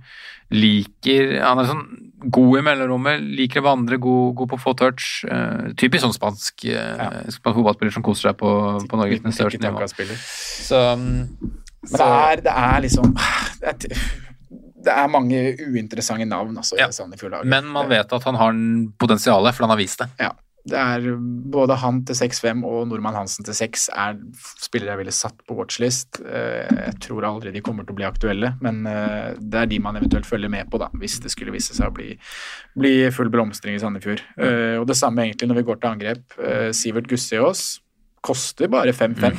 Eh, og det er jo en veldig fin pris for en spiss som skal, skal spille fast, da. Ja. Eh, og det, ikke sant, det kan være seg på fantasy-laget ditt, hvis du skal ha en tredjespiss, så en som tar nivå Hvis han tar nivå, da, koster 5-5, må jo være perfekt. Ja.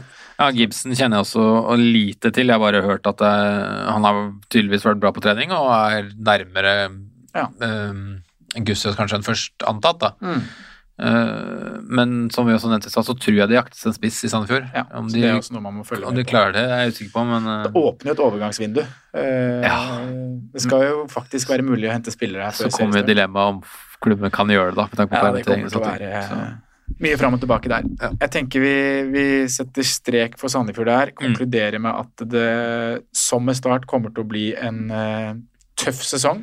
Eh, vi har noen spillere vi setter på ønskelista. Følger med på.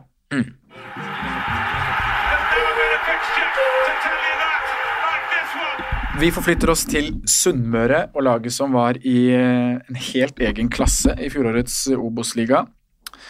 Ålesund er et lag som mange har en del forventninger til, eh, og det kan også se ut som Ålesund kan tilby oss en del spennende fantasy assets utover sesongen. Spørsmålet her er jo bare om prisen kanskje er litt for høy for en del spillere som er eh, uprøvd, eller som ikke har fått testa seg på, på nivået før. I fjor så ble det full pott på hjemmebane. 15 av 15 ble, ble, ble status der. De skåra 44 mål, hadde 12 baklengs, eh, og totalt så ble det kun ett tap på, på, på Ja, totalt ble det kun ett tap og fire uavgjort. Eh, Noe som ga de 79 poeng. 14 poeng over Sandefjord. Eh, Så det er det som er Det er utklassing, eh, rett og slett. Totalt var målforskjellen på 67-25. Så er da spørsmålet om de skal klare å holde seg på et, eh, på et skåringssnitt over to også når de kommer opp i Eliteserien. Eh, 25 mål bakover. Det vitner jo om kanskje at det kommer til å Ålesund kommer til å være et lag hvor det, hvor det, hvor det skjer ting i år. Det kommer til å være skåringer begge veier. Eh, og de hadde da bare Vi sier at det er bare vi, men det var fem clean sheets på hjemmebane i fjor. Eh, og da når du er så overlegen, så er det kanskje litt rart at du ikke holder, holder nullen i flere kamper. Lars Bohinen han er jo kjent for sitt eh, 3-5-2-system. eh, og han tok med seg det fra Sandefjord til Ålesund. Så det betyr jo at Ålesund er et av de lagene som kanskje da kan tilby vingbekker, eh, og det er noe, noe prisene også, også gjenspeiler her, da. Eh, de som har satt, satt priser, har selvfølgelig vært klar over dette, og det er eh, noen aktuelle navn som kanskje er kneppet for dyre også i forsvar. Før vi går mer spesifikt på navn, Simen, hvordan tror du starten for Ålesund blir? De har jo fått man kan kalle det et ganske tøft program. De møter Molde hjemme, de har Kristiansund borte, og så har de Brann hjemme. Det er, eh, det er de tre første matchene. Jeg er enig i at du sier det, men når er den beste muligheten for et nyopprykka Ålesund å ta imot øh, Molde, øh, Norges beste fotballag, Deilig vinkling. øh, til, øh, på hjemmekamp, til hjemmekamp? Altså, de kan ikke få bedre timing enn første serierunde. Ut der Holdt jeg på å si Eh, stinn brakke på tribunen, men det blir jo ikke. Nei, det blir ikke. Det blir ikke. Nei, men det, det må jo være eh, så må For det første, du har rykka opp, du er sulten på å vise deg på en ny divisjon, og så i tillegg skal du møte de laget som på en måte Ja, mangler selvsagt uh, supporterdimensjonen, men uansett så tror jeg Jeg tror det er perfekt timing å møte Olsen hjemme i første Så runde. du, du ser det ikke som en eh, Det hadde selvfølgelig vært bedre å møte Sandefjord hjemme, selvfølgelig, men du ser det litt som en litt positiv greie òg. Ja. Jeg syns starten der er eh, totalt sett helt grei. Samtidig så kan du se på det at det er eh, Molde, Norges beste lag, eh, og Brann, som skal egentlig være i hvert fall topp fire, topp fem hvert egentlig eneste år. Og så har du Kristiansund i midten der, som borte. Aldri kult å dra dit. Nei, og som også har vært et lag som har prestert jevnt bra de siste årene, i hvert fall i forhold til forventninger. Ja, Ja, de har jo forbedra seg så å si hvert år. Så. Ja, eh, så det er en tøff start. Og samtidig som en, Hvis du vrir på den måten, så er det en helt grei start hvis du klarer å se det med litt positive øyne. Så, mm, men ja, som du sier, Ålesund var det beste laget i, i Obos i fjor, og det var de hele veien. Eh, Også de kanskje mista sin beste fotballspiller, Andersson. Mm. Eh, gått til Odense. Ja, han var Eh. involvert i ti skåringer. Spilte 24 matcher på midtbaneposisjon. Jepp. Mistet også Habib Guay. Mm. Den tror jeg til slutt at det nesten var greit, fordi det skapte mer uro enn det, enn det var. Ja. Men fortsatt en mann som hadde nesten 15 skåringer, Ja, eh, og egentlig var et angrep aleine, sånn sett. Uh, Syns ikke erstatningene på en måte er inn, eh, i hvert fall de som man kjenner til, er like like spennende, men det er noen ukjente navn der. Eh, ja, jeg er litt positiv til noe av det Ålesund har gjort på overgangsmarkedet. Ja. Eh, Si- Simen Volkan Nordli liker jeg, eh, overgangen der. Ja, vi starter der. Ja, jeg er også veldig, veldig spent på han. Altså. Ja. Han er jo 99-modell. Ja. Eh, du er vel ikke så glad i laget han kommer fra, det har vi vært inne på allerede, men eh, kommer da fra HamKam. Mm. Uh, og han har jo spilt seg liksom inn på laget i HamKam nå. Uh, spilte seg litt inn på laget i opprykkssesongen, var det vel, Uh, og har hatt nå to eh, sesonger i Obos-ligaen hvor han har gradvis da tatt, tatt flere steg. Uh, Starta 23 matcher i fjor, kom fem inn fra benk. Tolv skåringer, eh, fire er sist. Det er gode tall Han- uh, i HamKam. Han har 29 målskår, nei, 29 målpoeng allerede i Obos, Ja. totalt fordelt på to sesonger, som du sier. Ja. Det, Det er gode tall, altså. Veldig gode tall. Så jeg er veldig spent på, på Simen Bolkan Nordli og hva ja, hvor bra det kan bli. Altså. Jeg tror det er en, en god signering av Ålesund.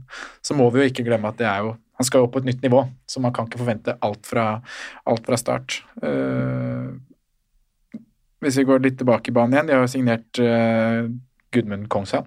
Mm. Uh, jeg ble litt overraska da jeg så det, for jeg, Andreas Lie er en spesiell keeper. Han er liksom bare Han bare spiller og er god Ja. og jevn. Uh, Jeg syns han er sånn uh, eksentrisk type. Ja. Gjør mye ut av lite. Jeg hørte vel Jonas Berg Johnsen mente at han var Obos-ligas beste keeper i fjor. Der er jeg ikke. Øh, du som er kjenner meg, vet kanskje, da, var det Ja. Ja. Du som kjenner meg, vet jo hvem jeg syns var den beste keeperen i Obos-ligaen, som, som også hadde spilt Eliteserien i år om det ikke hadde vært for koronaepidemien. Mm. Uh, som kommer til å spille for et halvt sesong på Kongsvinger, og så kommer til å dra videre. Uh, han Eh, surra litt i fjor, han òg. ja da, han gjorde det. Han gjorde men det. Eh, ikke så mye poeng allerede også. Ja da, han gjorde det. Um, Men jeg tror jo det blir jo en konkurranse her da, mellom Kongshavn og, og Lie. ja, jeg syns ikke den Jeg òg tenkte nesten at Kongshavn kommer inn og tar plassen der, jeg, da. Ja, ja jeg, jeg tror ikke Men, Eller det eh, blir, det blir en åpen duell, da, og det er, veldig, det er jo konkurranseaspekt. Det er jo veldig fint. Eh, Men det gjør jo på en måte at man styrer litt unna keeper i Ålesund, kanskje. Begge er vel prisa til priset Man avventer i hvert fall. Avventer og ser. Man dropper det fra start. Ja. Man gjør det. Mm. Eh, hva annet har de på, på ing? På, på inn? På inn? De har merch. Ja, og der har man prøvd å grave litt i hva som eh, Eller hva det er nå. Altså, man, alle husker Jordan Murch fra, fra Solskjær-tiden i Cardiff, og det er en mann som har nå husker jeg ikke akkurat i farta, men jeg mener han har i hvert fall over 50 Premier League-kamper, nesten 100 Premier League-kamper. Ja, det, Eh, for da henholdsvis eh, Cardiff, Palace. Palace. Mm. Uh, så det er Og han skal, spilte, skal spille for Ålesund. Det er jo litt sånn sprøtt. da, Man har jo hatt um, Har jo både vært i USA har vært litt greier. Uh, ja, og i Sør-Korea siden den tid, så karrieren er jo ikke på riktig vei. Det kan man jo gi, si, Men det kan jo fortsatt hende uansett at dette blir en god spiller til ligaen. Ja, det er ikke ny Rio Coker. Nei, det, jo, altså, det kan jo nesten være det òg. Ja. Men Det eh, er jo spennende, da. Det er kult. ja, Det er jeg, jeg må si jeg gleder meg litt til å se Jordan Murch. jeg. Ja. Eh, og sånn jeg husker det også, så er det en, en type som, som, som flytter seg ganske mye i løpet av en fotballkamp og er litt sånn anvendelig. Eh, så det kan bli spennende, for det er noe de kommer til å savne etter eh, av Trandarsson, det bindeleddet mellom midtbanen og angrepet sitt. Ja, absolutt. Eh, annet inn der? De har henta Beck fra Raufoss. Eh, vet du noe der? Nei, Jeg, jeg kjenner veldig lite til, eh, til godeste. Og så er det Klinkenberg. Dan Klinkenberg fra FC Inter Turku. Det er også Ja. et ubeskrevet blad fra min side. Har en del sesonger bak seg i æresdiviset, så jeg. Riktig. Ja, da må det jo være decent til å være 23 år. Ja. om det er spill eller om det er eh, benk, det vet jeg ikke. Kanskje eh, vi kan finne mer ut av. Eh, men det gjør jo at Ålesund da Ja, de har mista Trandarsson, som du sier, som er i sentrale blikket. men litt opp i opp i, i på overgangsmarkedet, kanskje, da. De har også gjort noen grep som, som kan vise seg å være positive. På papiret så tror jeg de er ned. Ja, jeg tror Eh, også det. Med, med, hvis du legger med Habugøy. Ja. Eh, men, Men så kan spillere som Balkan Nordli komme inn og vise seg å være Ja. gode signeringer. Og så kan jo også de litt mer ukjente Mm. eh, også være mye bedre enn det vi kan ane egentlig her. Ikke sant? Jordan Murchaw er jo et uh, Det er wildcard. Ja, det er et wildcard. Ja. Hvis vi, nå har vi tatt eh, keeperplassen litt. eh, vi avventer der. Men jeg tror jo Ålesund er en sånn redningspoengkeeper. Begge de keeperne er jo litt sånn redningskeepere. Ja. De, de er bra keepere, eh, men det er sånn, de kan sette i gang på Kongsvann. Kongsvann gjør mye rart, altså. Han kan sette i gang på Skape en sjanse imot han også og gjøre en syk redning, så han skaffer seg selv redningspoeng. Han begynner å få litt klubber han nå, gjør han ikke det? Han gjør Eh, jo, Tippeligaen? det er i hvert fall vært- Vålerenga og Tromsø. Ja, det er kanskje bare nummer Ja. tre, ja. Jeg følte nesten han hadde vært enda mer rundt, men Meget hyggelig fyr. Uh, møtt ham mye med Vålerenga 2. Ja. Det har vært uh, veldig ålreit. han Så- har ikke jeg møtt. Sarpsborg har han vært som besøk. Stemmer det. Hvis vi tar forsvar Olafsson priset til 5-5. Ja. Uh, det er jo en av de her wingbackene som Ja. kunne blitt veldig, veldig spennende. Jeg syns det er han som er eh, mest spennende, faktisk. Mm. Jeg gjør det. Eh, samtidig altså, Det er kjipt da når liksom stopperne kommer på 4,5, men samtidig, du kan, kan gå ned til Grønner, da, som jeg tror fortsatt vil, uh, vil spille for Ålesund. Mm. Um, da får du en stopper til 4,5. Uh, ellers så, så blir det litt for stivt. Eh, Det gjør det. Selv om jeg skulle egentlig likt å ha hatt med meg en Ålesund-spiller, altså. Eh, jeg syns uh, De var, var gode i hele fjor. Jeg liker måten Lars Bohinen spiller fotball på. Eh, det sa jeg den gangen han var i Sandefjord også. Eh, jeg liker det egentlig veldig godt. Eh, Men hvis man, hvis man tenker på det vi har vært igjennom her med, med såpass Jeg sier mange i anførselstegn her, for det er, ikke, det er ikke mange baklengs, men de var såpass dominerende og slapp inn. Det var ofte ett baklengsmål uh, i matchene. Det var bare fem, fem clean sheets på hjemmebane. Uh, er det da de målpoengene du eventuelt kan få fra Olafsson, det er vel ikke verdt å betale prisen 5-5 for? Jeg, tror ikke det. Nei. Jeg tror ikke det.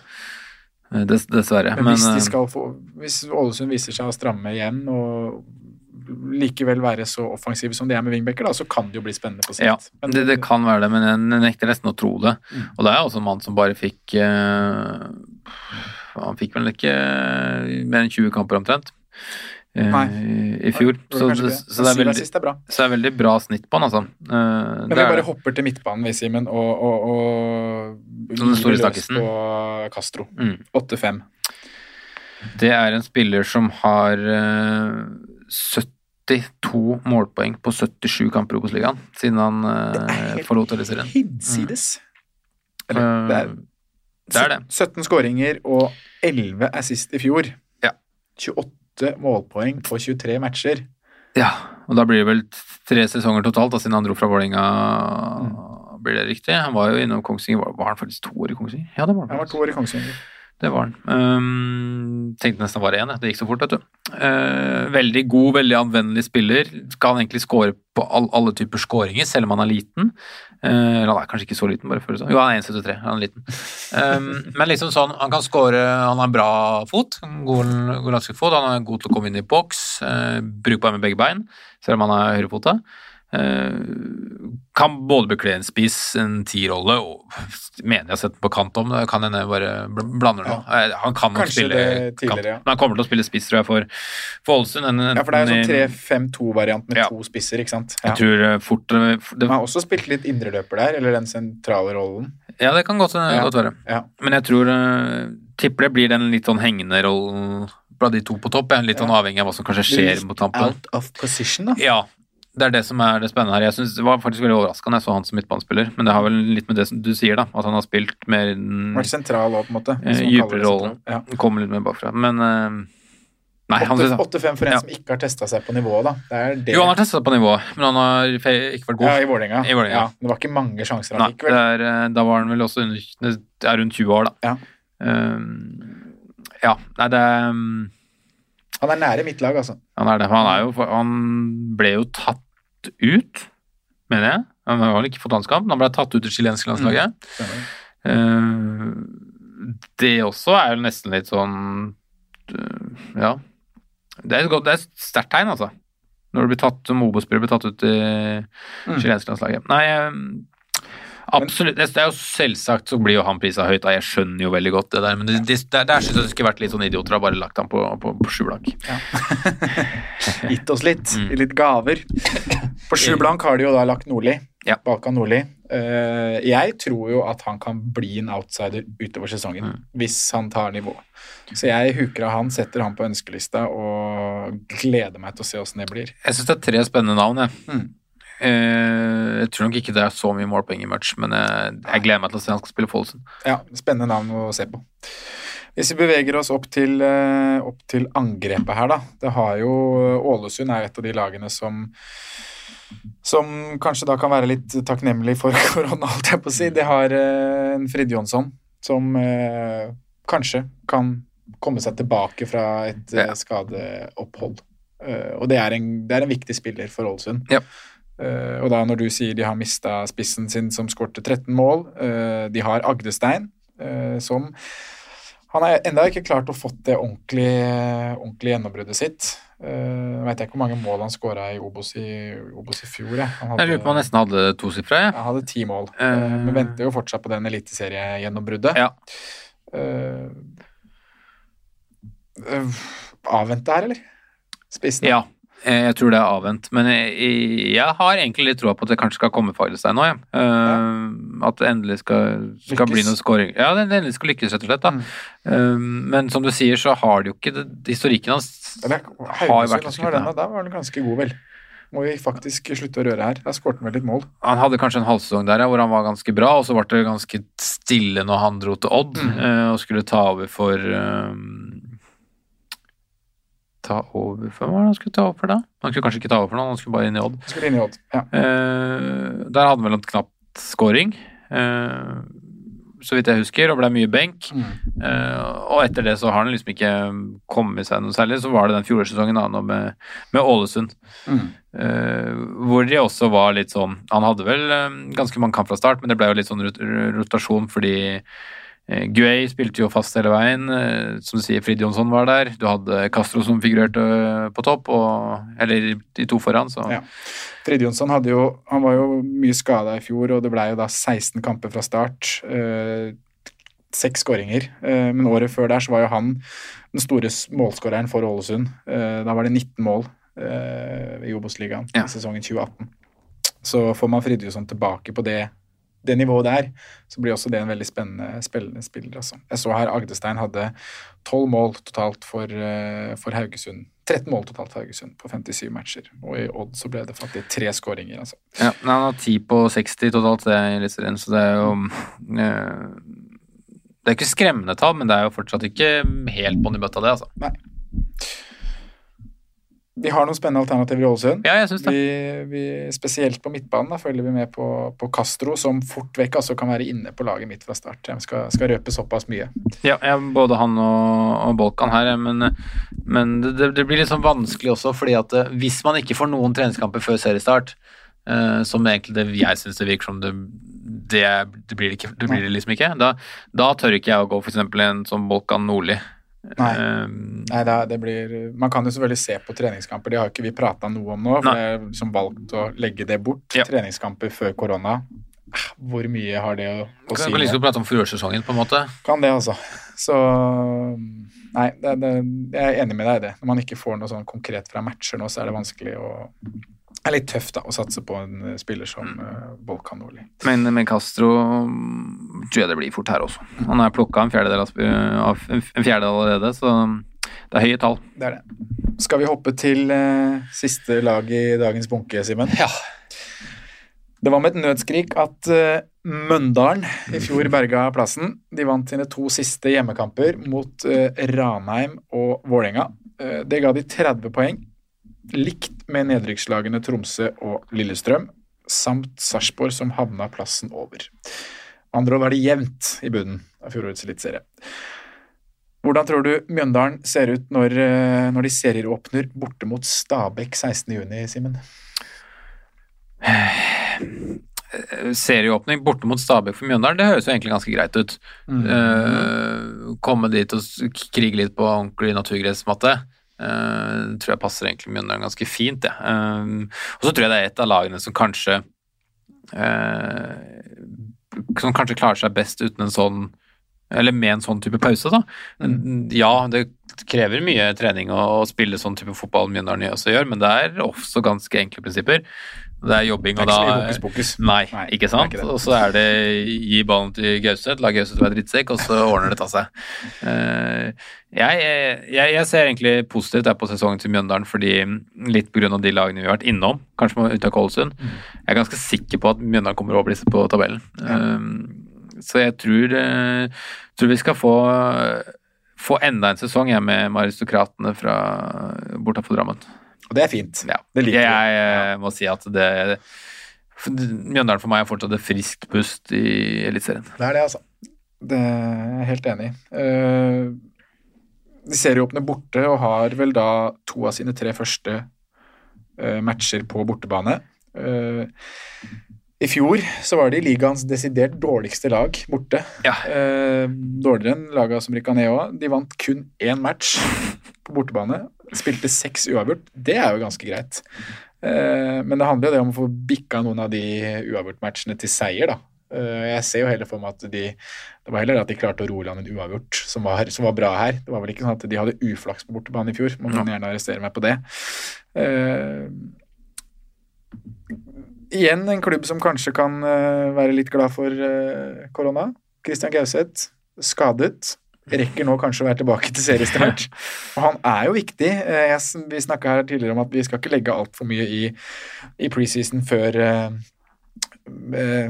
før pausen, men Mjøndalen de vant jo nesten ikke en match. Og Vegard Hansen var ute og sa det, at jeg må nok bare innrømme det, at Christian Gauseth han han betyr mer for meg enn hva jeg egentlig har lyst til å innrømme. Eller mer for laget. Ja. Eh, De testa vel også han litt som en tier, som jeg har skjønt. Jeg De jeg, ikke at jeg har sett det sjøl, men, Nei, men de har jo, de spiller jo De kan på en måte De mikser litt mellom to formasjoner. Det er jo både 4-3-3 eh, Og en mer stram 4-4-1-1, på en måte. 4-4-1-1, og da er det jo Gauseth som er, eh, som er hengende der. Det er jo litt artig, det. Ofte blir jo spillere flytta litt lenger bak på banen når de blir eldre, men Gauseth han Flyttes skyves bare framover. Ja. Så ja. Men eh, start starter med De starter med Stabæk borte, som sagt. 0-8 hjemme, eh, og så er det Viking, eh, Viking borte. Det er vanskelig å spå de matchene der. ja, det er det. Veldig, veldig vanskelig. Og- Jeg tror de får det tøft i den åpningen mot Stabæk. Vi skal ikke komme mer inn på Stabæk, men jeg har veldig tro på de i år. Sammen med Sarpsborg hjemme. Det er jo et lag da som ikke skåra mål i fjor, da. Mm. Uh... Men jeg, tror det er greit også å få Ja, jeg er enig med deg på en måte Du skal, skal prate, du skal prate med Stabæk senere, men å få den kampen også i første runde tror jeg er greit når ting ikke har satt seg. Du skal på en gressmatte så tidlig som mulig. ut Kanskje, nå blir jo den kanskje en strøken matte til, til, til seriestart, men, men du kan fortsatt skape uro der. Ja. Du kan fortsatt vinne både første, førstedueller og andre baller og alt som er i, Mm. i den kampen der. Så ja, Samtidig så må jeg si at det er litt sjarmerende når du dukker opp med, med så mange krigere bak i, i rekka. Så selv om Olsen Solberg er ganske høyt i banen for så vidt i den formasjonen dem, så er det mange storvokste krigere på Mjøndalen. Det er Altså. mye muskler. Ja. Det er det, altså. Hvis vi ser litt på, hvis vi ser litt på overganger, da. Mm. Eh, De har jo Det har vært en del eh, keeperrulleringer i Mjøndalen de siste åra. I fjor så eh, var det Faye som hadde flest kamper. Han har nå gått tilbake til Rosenborg. Rosenborg. Mm. Men der har jo da Makani Ja. kommet inn igjen. Tilbake. Tilbake, tilbake i, eh, i Mjøndalen. Så det er jo Den er jo grei. Vært en tur i Iran. Ja, Eh, Det er vel der han er fra òg. det er vel der han er fra. Eh, Han er en bra keeper, er han ikke? han er en bra keeper. Slik um, Absolutt. folk er. Silfer er ferdig. Ja. Bergstrøm er borte. Uh, Ocean har uh, Han har lagt opp, men uh, vi vet ikke. Det kan vel kanskje komme et nytt comeback der. Men Jeg mener jeg så at han hadde ny klubb, jeg. Ja, han har kanskje fått ny klubb, ja. Han har fall Uredd? Uredd, ja. Tilbake til Uredd. Eh, Det var jo det han gjorde sist, og da han la opp i Odd, så gikk han jo til Uredd som Ja, okay. trenerrolle. Ja, okay. ja.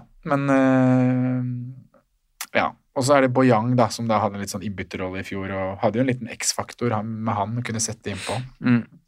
Så har de mista et par andre spillere som, eh, som vi kanskje egentlig ikke har så stor betydning for, for laget, som er mer eh, breddespillere i troppen, da. Så har du vel også fått inn uh, Markus Nakim. Ja, hvis vi går på overganger inn, Markus Nakkim.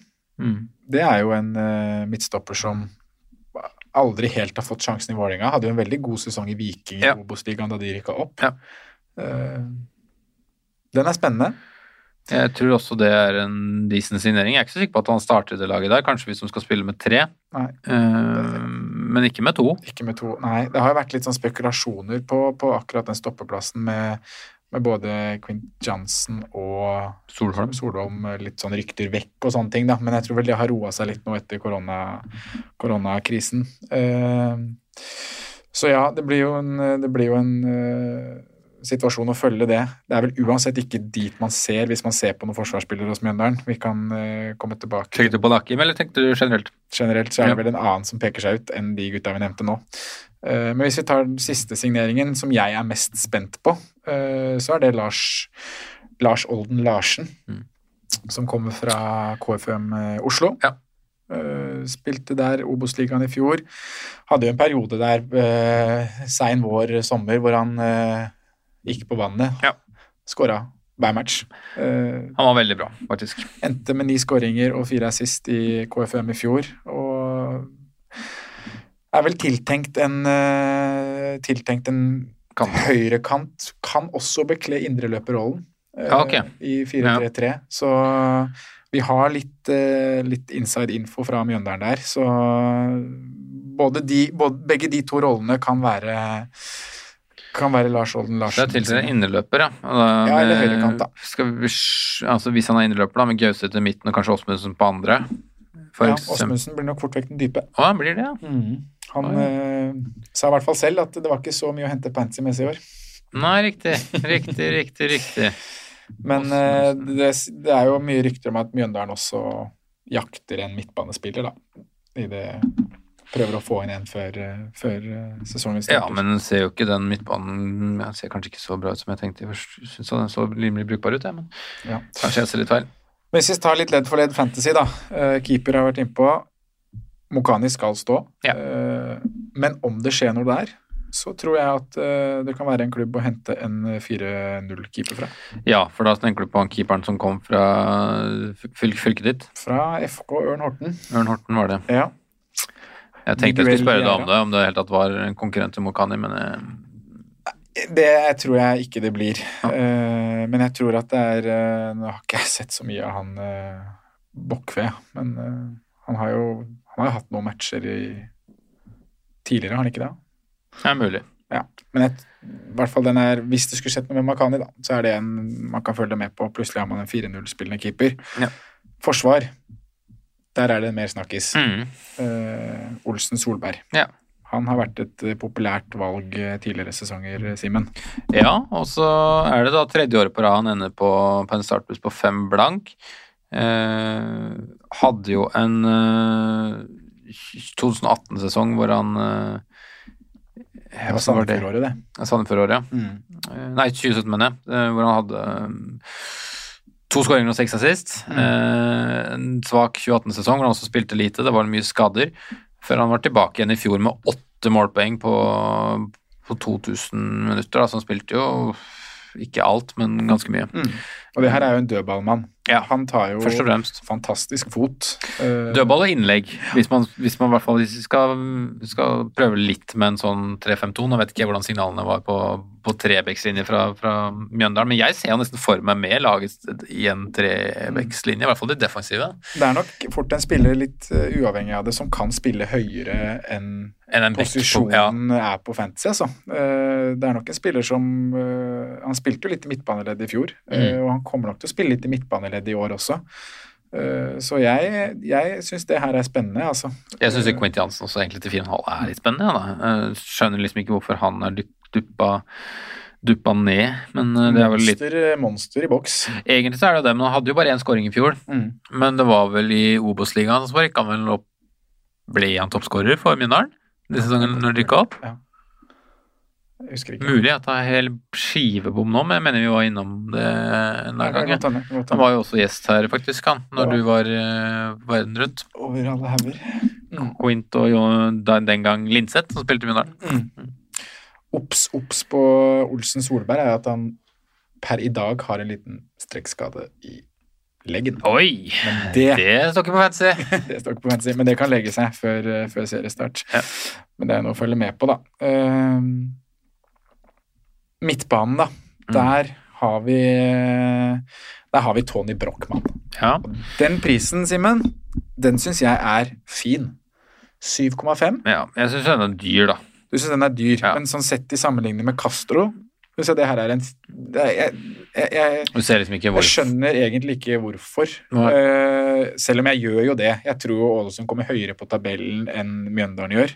Ja. Uh, men Tony Brochmann han ble tor- fjorårets toppskårer i Mjøndalen. Skåra åtte mål. Uh, det gjorde han også for to sesonger siden.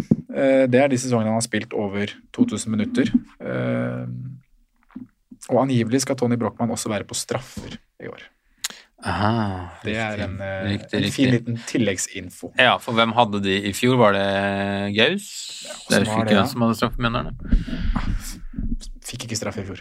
Nei, vi får si det, da. Men, Men, eh, og det er jo, han skal jo da bekle venstre kant eller venstre indreløper. Ja. avhengig av åssen eh, formasjon og line-up er, da. Kan, ja, kan jo nesten spille en slags spisshengner og nesten se for meg om, men Mm. uh, kanskje ikke tiltenkt det, nei. nei det, ja, når du sier at han skal på straffer um, Hvis man kanskje ser for seg Mjøndalen hakket opp da, fra i fjor. eh, Jeg gjør i hvert fall det. Mm. Tabellmessig, og da vil det også bli mer poeng antageligvis. Ja, kanskje. Kanskje, fjor. kanskje Brochmann til 7,5. Kanskje. Kan være noe. Ja. Er det andre i midtbaneleddet her? Gauseth er jo Gauseth er nei, Gauseth er nei, det er Ja, greit. ja. Uh, dessverre. Fredrik Brustad har jo ikke fått det til Nei. Uh, etter han kom tilbake. Han har jo Han koster 6-5. Er jo en spiller som kan spille litt out of position. Mm. Kan nok bli brukt litt på spissplass her. Kommer til å konkurrere der med Sondre Liseth. Eh, De kommer kanskje til å rullere litt. Brustad høyrekant spiss. Litt åpent der. Ja, for ingen av de spilte vel egentlig spiss i fjor. Det var jo Ocean som egentlig hadde spissplassen, og så Mm. var vel de på Ja, og så kom Brustad. Det var litt mot slutten der, så du hadde jo han Bergstrøm også. Som, eh, Bergstrøm, var, riktig. Var der, så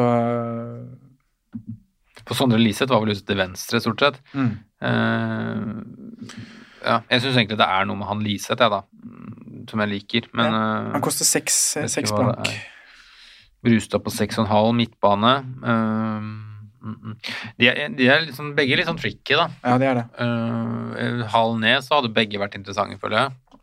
Tror ikke de blir interessante slik det står nå. Da tror jeg det får holde med eventuelt eh, å vurdere Brochmann, altså. Mm. Fra det offensive Så blir det spennende å følge Lars Olden Larsen til syv blank. Ja. eh, Med tanke på det han gjorde i Obos-ligaen i fjor. Nå er jo det her steget opp, selvfølgelig, så Mm. man kan ikke forvente for mye. Men uh, om det skulle bli bra også i Eliteserien for hans del, så er jo syv blank en grei pris. Ja. Så Olden Larsen og en Brochmann på hver sin side, kanskje med en Ja, da er det jo bare plass til én av Brustad og Liseth, da, hvis det skulle, Mm. skulle være sånn, da. Men da, da ser jeg for meg Liseth, kanskje, i, i midten. Ja, det kan bli et brukbart angrep, det, for, En fin tredjespiss. for Mjøndalen. Ja. Mm. Da har vi vært igjennom fire lag, ja. og vi har prata lenge. Tida går. Franco er ikke her til å passe på klokka for oss. Nei, det må ha pappa til å passe på oss. Eh, jeg hadde egentlig tenkt at vi skulle ta sånn ledd for ledd, velge én fra de fire laga. Ja, men det kan vi har gjøre. Gjort i, gjort i Fantasy Premier League eh, preseason-drodlingene våre. Ja. Uh, keeper Sasha Mokani. Nei, Makani heter han. Ikke Mokani. Mokani, Makani. Makani. Ja, du, du er på han. Ja. 4-5. Er det fordi han er den klinkeste valget av de? Han spiller på det beste laget, tror jeg. Oi, du tror det, ja? Mm. Du har de foran Ålesund? Mm. Interessant. Jeg er enig med deg. Jeg har samme mann. Eh, jeg tror ikke de kommer høyere enn Ålesund, egentlig, men jeg tror kanskje de holder flere clean sheets. Og så tror jeg at det er jo litt mer sånn konkurranse i Ålesund, som jeg snakka om. Ja. Med Li og Kongshamn til 4-5. Jeg er litt frista til å si Vieira, da. Hvis Mokani skal bli skada. Så Mm. poff, har du 4-0-keeperen din der. Forsvar. Hvem velger du? Jeg går også i Mjøndalen her, altså. Eh, Men det er jeg, jeg, Mjøndalen er også litt med det at jeg tror det er flere nuller i Mjøndalen eh, enn Ålesund, hvis si, at du skulle havne litt på tabellen også. Mm. Det er et lag som jeg føler kriger mer, og så samtidig så er de litt mer sånn De er litt mer avhengig av den ene dødballskåringen. Ja. Så jeg går ned til Olsen Solberg, altså, på, på det forsvarsvalget. Jeg er helt enig med Litt kjedelig, men er- jeg gjør det. Den er kjedelig. Uh, den, er, den er kjedelig, men uh, den er også klink, egentlig, for meg. Uh, jeg var Jeg satt og så det, det er prisene som gjør da, at jeg ikke går til eh, Går til Ålesund og eh, godeste Nå står det helt stille for meg. Olafsson. Ja. Eh, 5-5. Jeg syns han er Det er prisen, ja. ja. Det er de 0-5 der som gjør at det bikkes Olsen Solberg vei, og også dødballfoten større potensial for clean sheets. Og at han kommer til å bekle litt midtbaneposisjoner. Ja. Mm. Midtbane, er den bare 1, 2, 3 klink, eller?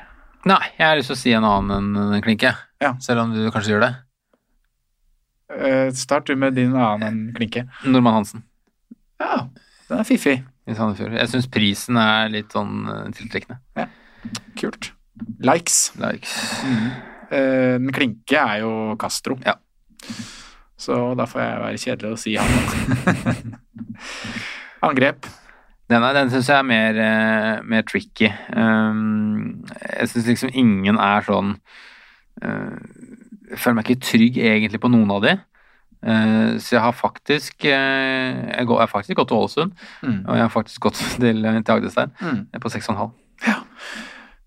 Det skjønner jeg, og jeg følger egentlig den, da. Det er litt med skadesituasjonen på, på Frid Jonsson der, Mm. og hva slags form han er tilbake når han kommer Eller slags, hvordan er formen når han kommer tilbake fra kneskade? Med tanke på at det er to og en halv uke, ja, tre uker da, til seriestart, så tror jeg faktisk jeg går dit. Men eh, ja, så Men hadde han vært klar, så hadde jeg jo gått for den, Mm. selv om det er sju og en halv. Eh, Men jeg har faktisk lyst til å si, litt sånn fordi landskapet er sånn det er prismessig, så sier jeg Sivert Gussiås, Gussiås, ja. Mm. Sandefjord, 5-5. Jeg tror, eh, jeg, jeg tror han er bedre enn det folk tror, Mm. Gussiås. Uh, Syns han har uh, han litt sånn rapp, rappe avslutninger og en, absolutt en god, veldig god Obos-spiss i fjor. Det blir spennende å, spennende å følge. Og spilte han under en spennende trener òg, Nesselquist i, Mm. i Strømmen. Absolutt. Ok, da, da takker jeg for at du var med som Hyggelig å bli Jeg invitert. liker ikke å kalle deg gjest. det var hyggelig å, å ha deg her. Eh, Vi to er tilbake plutselig, vi, med, med ny drodling av fire nye lag. Til det, kos dere med, med planlegging, så Gjør snakkes vi. Yes. Ha det godt. Takk for at du hørte på vår podkast. Vi setter stor pris på om du følger oss på Twitter, Instagram og Facebook. Vi er fans i rådet på alle mulige plattformer.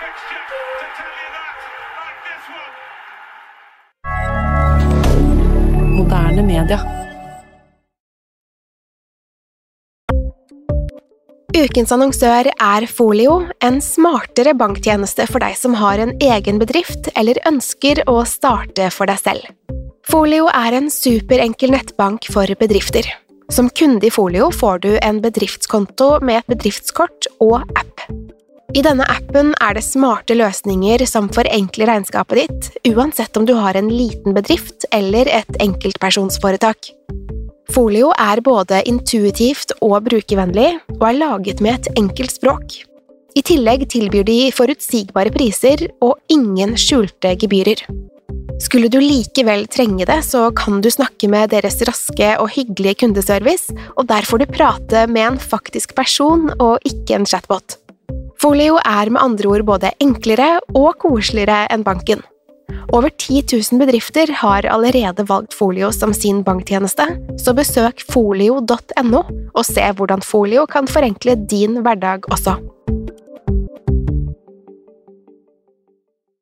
Har du et enkeltpersonforetak eller en liten bedrift? Da er du sikkert lei av å høre meg snakke om hvor enkelt det er med kvitteringer og bilag i fiken, så vi eh, gir oss her, vi. Fordi vi liker enkelt. Fiken superenkelt regnskap.